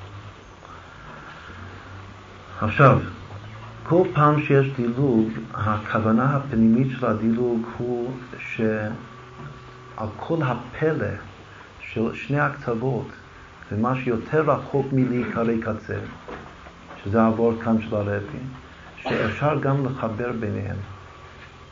ובתחילה כל דילוג זה כמו הרקיע שהוא מבדיל בין המים העליונים לבין המים התחתונים. אבל תמיד תכלית כוונת הדילוג, כמו שנאמר תמיד בחסידות, במיוחד אצל הרבי, תכלית כוונת הצמצום הוא לחבר, לייחד בין שני הקצוות. עכשיו, זה בדיוק הסוד של רשב"י. כל מה שאנחנו לומדים על, על רשב"י, הוא כתוב בזוהר, יש פסוק שעדיין לא אמרנו אותו, שזה הפסוק בספר הזוהר והפירוש שהוא המקור לכל הרעיון הזה של הרבי, שהרשב"י מחולל ייחוד קצוות, הוא הפסוק מחצתי ואני ארפא בשירת האזינו. ודורשים את זה חז"ל שמחצתי מלשון מחיצה. עשיתי מחיצה והבדלה כמו הרקיע המבדיל בין מים למים. עשיתי הרבה מחיצות, הרבה צמצומים, הרבה פרסאות, זה בסוד הגל, עד הגל הזה. הגל שמפריד, מבדיל בין לבן ויעקב. עכשיו, אותו גל מפריד, אותה מחיצה, בא רשב"י לרפאות את המחיצה. כתוב שרשב"י הוא הסוד של מחצתי ואני ארפא. ומה זה, ואיך הוא עושה את זה? איך הוא מביא רפואה, שזה גם מלשון הרפאיה, למחיצה, לקשיחות של המחיצה. קודם הוא צריך להרפות ואחר כך לרפאות לגמרי עד שמתגלה לגמרי תכלית הכוונה הפנימית של הצמצום והמחיצה הזאת, שזה לא להפריד בין הכתבות, אלא לייחד את הכתבות. עכשיו כתוב שעיקר הסוד של ל"ג בעומר הוא מחץ, של הרשב"י בכלל, הוא מחצתי ואני ארפא. לכן כל החודש הזה, חודש אייר, הוא חודש של רפואה. אני השם נופך, ראשי תיבות אייר. ואמרנו של"ג בעומר זה חי באייר, זה החיות של אייר. כלומר שזה החיות של הרפואה. מח... מה זה על פי פשט מחצתי? מחצתי על פי פשט זה לתת מכה, שזה כמו מחלה, השם ישמור. מחצתי ואני ארפא. וזה הסוד האמיתי של ל"ג בעומר.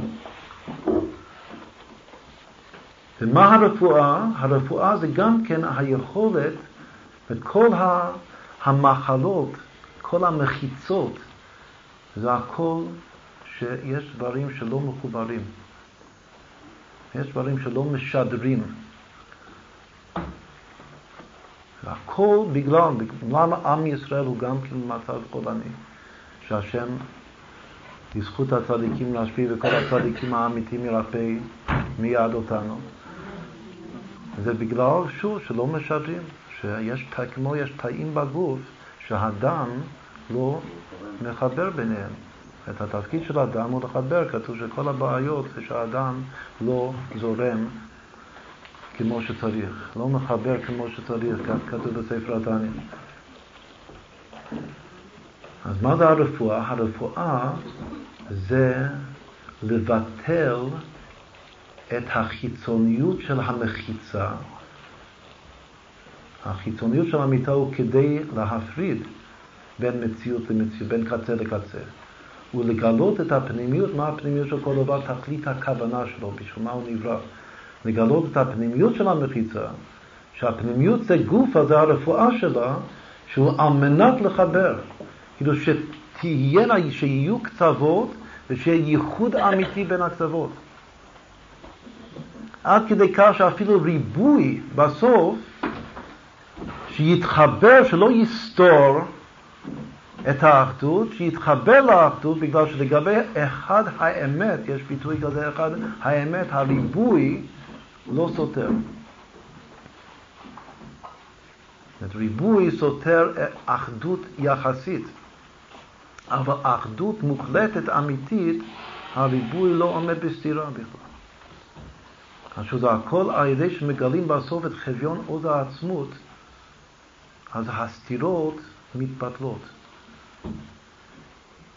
אם יש סתירה, סתירה זה גם כמו לסתור בניין, להרוס, סתירה זה הרס.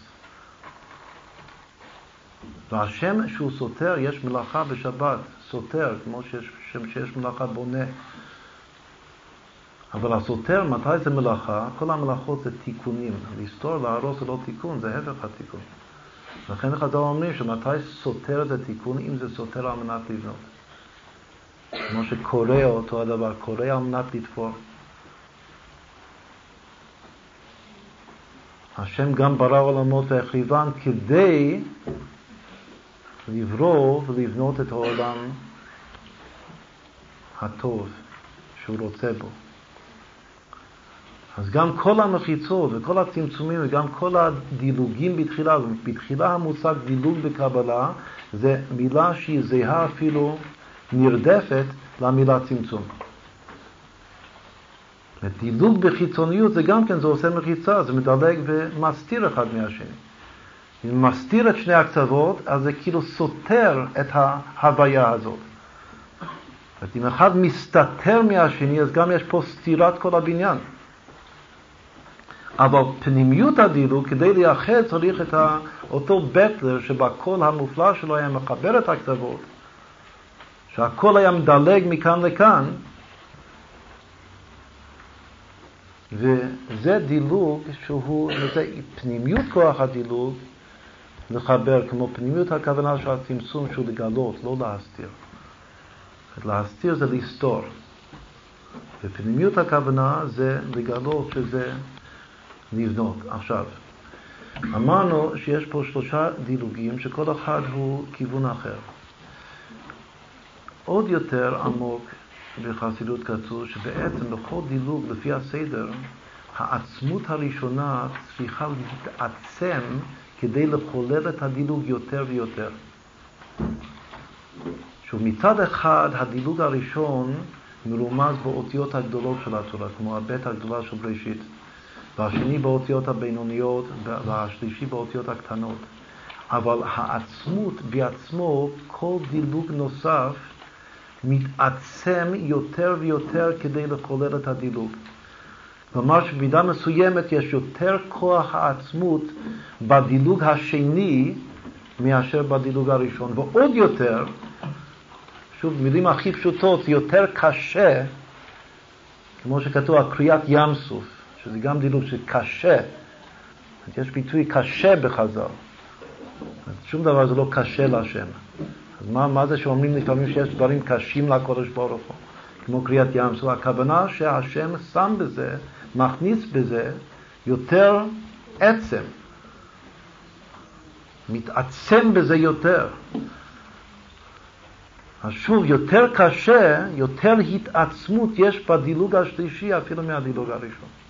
כל דילוג נוסף הוא יותר התעצמות של חביון עוז העצמות, ולכן כדי, לתק, כדי לרפאות, הרי הרשב"י זה מחצתי ואני ארפא, כדי לרפאות את הדילוגים, כל דילוג צריך יותר חביון עוז העצמות, יותר צניעותה.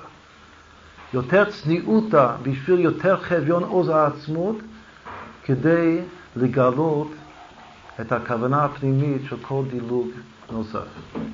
עכשיו, למה דיברנו על שלושה דילוגים? יש עוד מילה בתורה שזה, שהיא מילה נרדפת לדילוג, המילה פסח. ופסח השם על הפתח, לשון דילג. לכן הפסוק הזה בשיר השירים קוראים אותו בהקשר לחג הפסח, כל דודי הנה זה בא, מדלג על הערים, מקפץ על הגבוהות. מה שמדלג זה פסח. זה הפירוש של המילה פסח. עכשיו, יש פסח ראשון ויש פסח שני.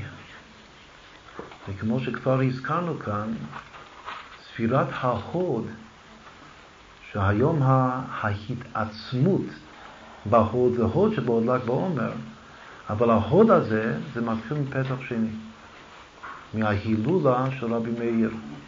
רבי מאיר בעל הנס, גם לחולל נס זה דילוג. רבי מאיר הוא נקרא בעל הנס, זה כינוי שהוא זכה לו, שגם להשפיע לא זכה לו. אפילו יהודי שנמצא בצרה, אז ידוע שיאמר אלקה דמאיר ענני. אז יש משהו מיוחד אצל רבי מאיר שאין אצל אף אחד, אפילו לא אצל משה רבנו. כשאדם נמצא בצרה הוא לא צועק להשם אלוקי משה ענני. הוא צועק להשם אלקה דמאיר ענני. שזה משהו פילי פלואים. שאין אף צדיק בעולם שזכה לדבר הזה, שהוא בעל הנס, ושכל הניסים נקראו על שמו. עד כדי כך שאותו יהודי פשוט, אותם יהודים פשוטים שבאים לרשב"י היום, אז שוב הם בפשטותם, מבלי לחשוב פעמיים, יצעקו אל עיר הנגב.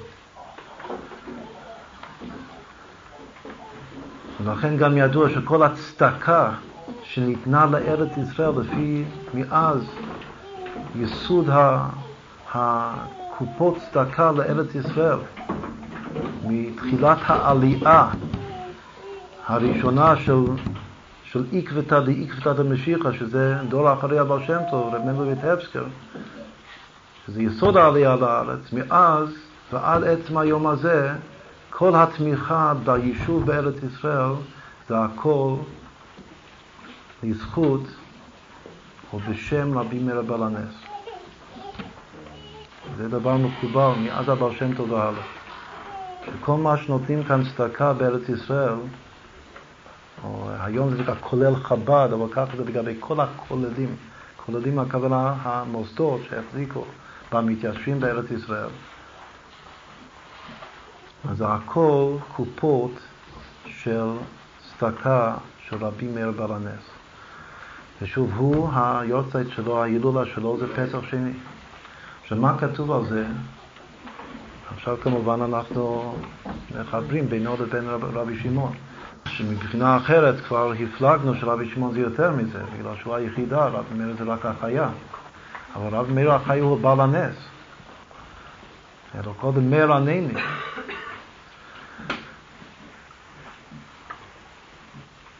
שוב, צריך להדגיש עוד יותר, בעל הנס כל פעם שכתוב על מישהו בעל משהו, הכוונה שהוא בעל הבית על הדבר הזה. כמו שהבעל שם טוב נקרא בעל שם טוב, אז הפירוש הוא שהוא הבעל של השם הטוב. יש שם טוב שזה א' כו' כ' והבעל הבית על הדבר הזה זה הבעל שם טוב.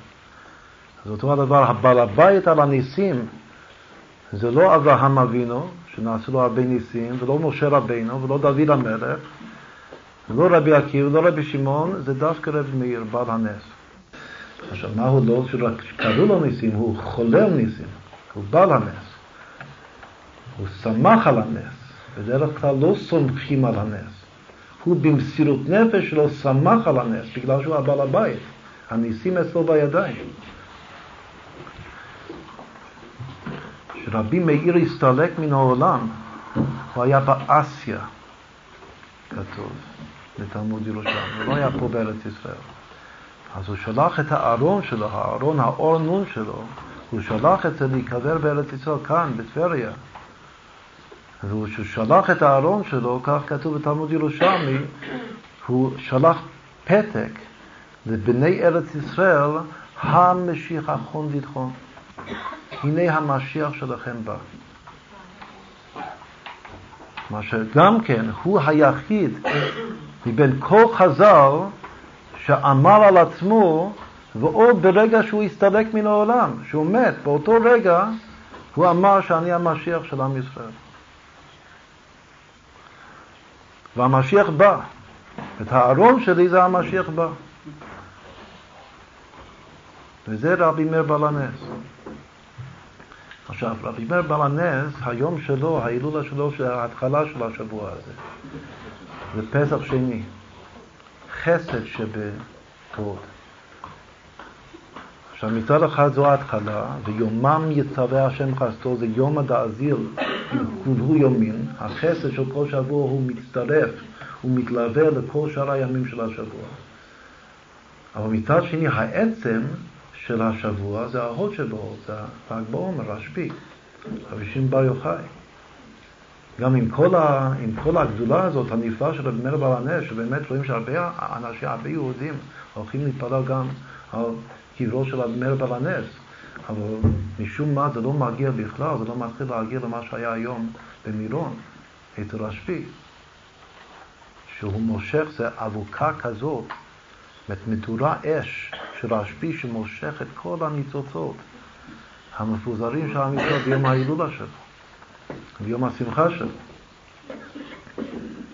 גם כן, אם כי שרבי מאיר אמר המשיככון וידכון הנה המשיח שלכם, הוא לא אמר בפירוש, הוא לא נתן הוראה לשמוח ביום ההסתלקות שלו, מדי שנה. ורשב"י כן נתן הוראה. רשב"י הוא הצדיק הראשון שנתן הוראה, וההוראה הזאת הפכה להיות מנהג, כמו שדיברנו הבוקר, דבר לא מובן על פי ההלכה, למה עושים את זה? למה שמחים ביום אה, יורצייט? הרי כתוב בדיוק ההפך. אבל בגלל שהוא אמר את זה, ובגלל שאנחנו בתמימות מקשיבים לו, מצייתים לו, אז עושים מה שהוא אומר. ועושים את זה בהידור שבהידור שבהידור. לשמוח בשמחת רשב"י. עכשיו, כל אחד יש את, ה, את המעלה שלו. והמעלות של הרשב"י ורב מאיר זה מצטרף, זה צריך להשתלב יחד. אחד משלים את השני. עכשיו, יש פסח ראשון, פסח ראשון זה דילוג ראשון. יש פסח שני, שזה דילוג שני. ויש ל"ג בעומר, שאם כי שזה לא נקרא פסח שלישי, זה עדיין בתוך השבוע של פסח שני, אבל בעצם זה כן בסוד הדילוג השלישי. ופעם עיקר הסוד של ל"ג בעומר הוא שהוא הדילוג הפסח השלישי כביכול. בגלל שפסח ראשון ופסח שני הם שני דילוגים, אמרנו שככל שהד... שיש עוד דילוג ועוד דילוג, העצם מתעצם יותר.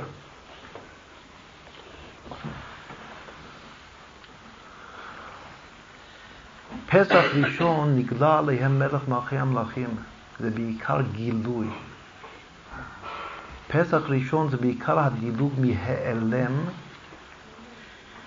מחושך לאור גדול, כמו שאומרים בהגדה של פסח. ואור זה אין סוף.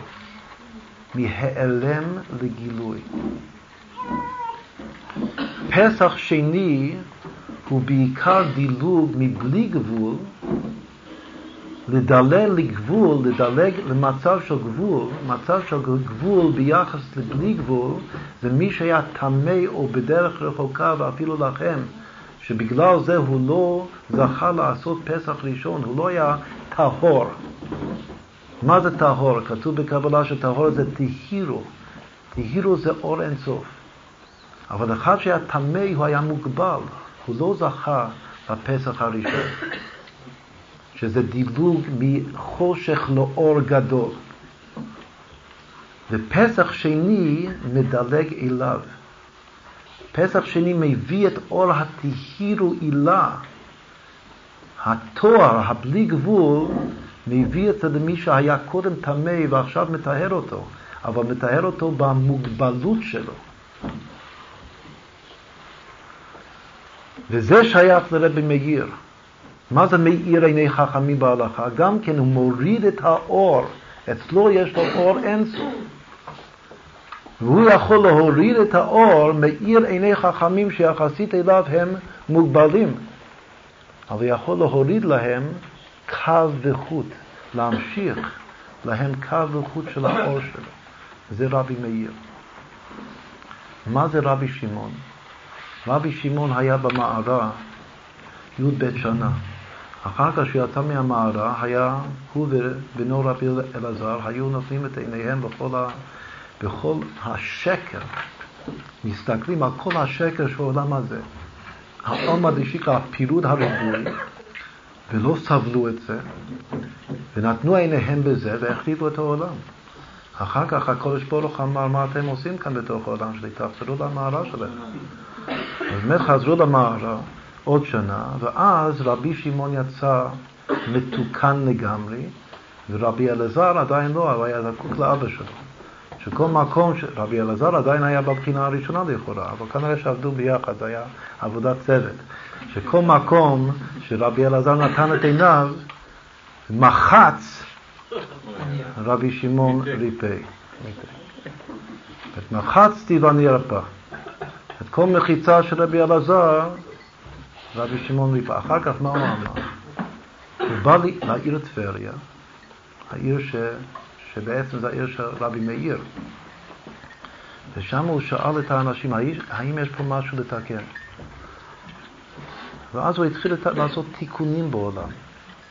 זה שוב, יש הרבה שיחות מהרבי הזה. הוא, הוא דווקא נכנס, למה? הוא חיפש מבצעים ותיקונים וכל מיני דברים לא בסדר שצריך uh, לעשות בסדר. הוא נכנס בדיוק לתוך הראש של הריבוי של המציאות, שקודם כל, בתחילה הריבוי זה הרי שקר, זה עמא דשיקרא. לכן בתחילה הוא, הוא לא סבל את זה לגמרי.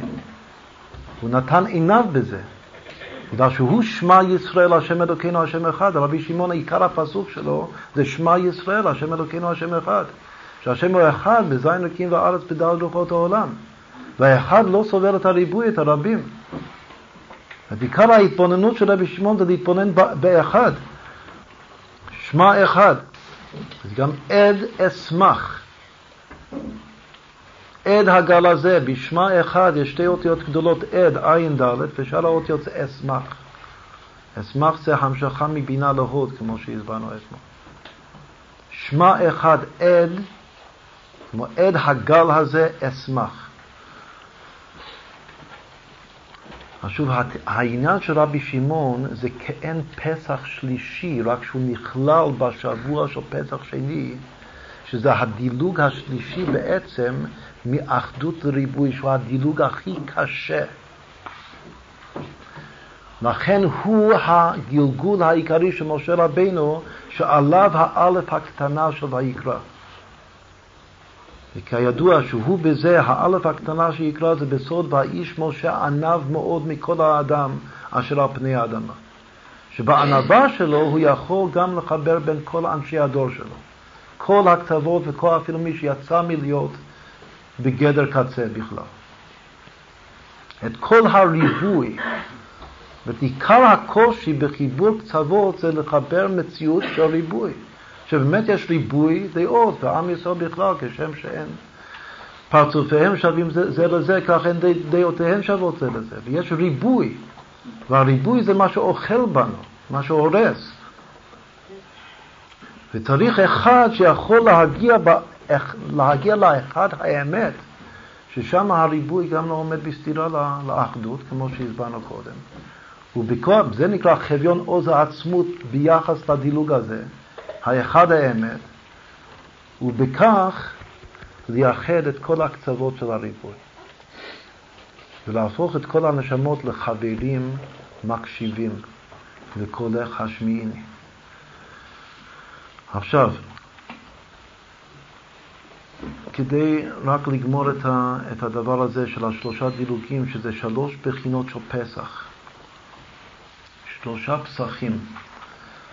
בשביל חזקה, כל דבר צריך שיהיה בו חזקה, חזוקו. וכתוב, בתלת זימני הווה חזקה. שכדי לעשות חזקה או משהו צריך לחזור על עצמו שלוש פעמים. יש דעה בחז"ל שרבי שמספיק פעמיים כדי לקבוע חזקה. אז באמת על פי פשט, בפסח, במושג הזה של פסח, פסיכה, דילוג, אז על פי פשט יש רק שני פסח, שזה בתרטיזם, בשני פעמים, בפעמיים, אבל כדי להגיע לתכלית החזקה, זה תלוי בשלוש פעמים, בתלת הזימנה, הווה חזקה, זה נשלם בל"ג בעומר.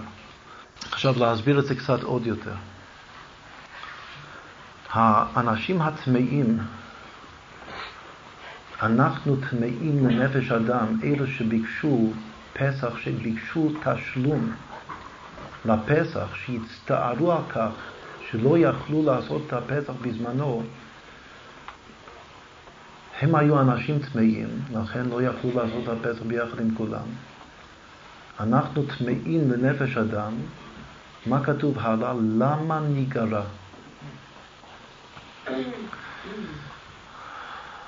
מלהקריב את קורבן השם במועדו. למה נהיה יוצאים מן הכלל ניגרע? למה ניגרע? יש הרבה מאוד שיחות, מאוד מהשיחות הכי מרגשות אפשר לומר שהרבי זה על הביטוי הזה למה ניגרע. שיהודי שבאמת מרגיש את עצמו טמא, ומחוץ לכלל אפילו, רק שיצעק להשם למה ניגרע, הקודש ברוך חייב למלא לו את החיסרון. ואת הצעקה הזאת, למה ניגרע, זה מאוד דומה למה שהרבי דרש בשנים האחרונות, עד מתי לצעוק. אבל כאן זה עוד יותר נוגע לעצם, שיש הרבה שיחות של הרבי על, הדבר, על למה ניגרע הזה. זאת אומרת שהדבר באמת נוגע לעצם. אני טמא, אבל אז, אז מה, מה אני יכול לעשות? מה אני אשם? לפי המציאות. אולי אני כן הייתי אשם, אולי אני אולי טימאתי את עצמי, אבל עכשיו למה אגרע? אני רוצה עכשיו, אני רוצה לחזור בתשובה, תקבל אותי. למה נגרע? עכשיו, מה זה פסח שני? פסח שני זה לדלג, כמו שדיברנו קודם, אתמול בלילה הזכרנו את המאמר חז"ל שהקודש ברוך פותר חתירה מתחת לכיסא הכבוד כדי לקבל אנשים בתשובה.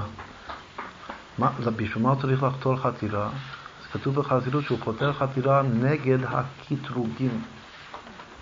אם לא היו מלאכים מקטרגים בשמיים, איך אתה מקבל את היהודי הזה כך וכך, עשה עבירות, הרי אתה הקודש ברוך אתה שופט צדק. איך אתה, מה, יש לך פרוטקציה? אתה נושא פנים, איך אתה מקבל אותו? אז כנגד הטיעונים האלה, הטענות של הקטרוג, של המקטרגים, הקודש ברוך הוא אין לו מה לענות להם. אז מה הוא עושה? הוא חותר להם חתירה. בגלל שהוא חותר חתירה מתחת לכיסא הכבוד. על מי חז"ל דרשו את, ה, את הכלל הזה? על הכי רשע שהיה מאז ומתמיד. מנשה מלך יהודה, שהוא עבר כל התורה כולה, הוא גם עבד עבודה זרה וגם רצח, כתוב. הוא מילא את ירושלים בדם של רצח שהוא רצח אנשים, חוץ מכל העבודה הזרה שהוא עבד. אבל אחר כך הוא גלה לבבל, ושם עינו אותו בעינויים וייסורים קשים ביותר, עד שהוא צעק להשם בכל הלב, רק על ידי הייסורים הוא הכיר בחטא שלו. ואז הקודש ברוך לא היה שום הצדקה, אחרי מה שהוא עשה, שום הצדקה לקבל אותו בתשובה. אבל מתוך ייסורים קשים ביותר הוא צעק להשם והשם חתר לו חתירה מתחת לכיסא הכבוד.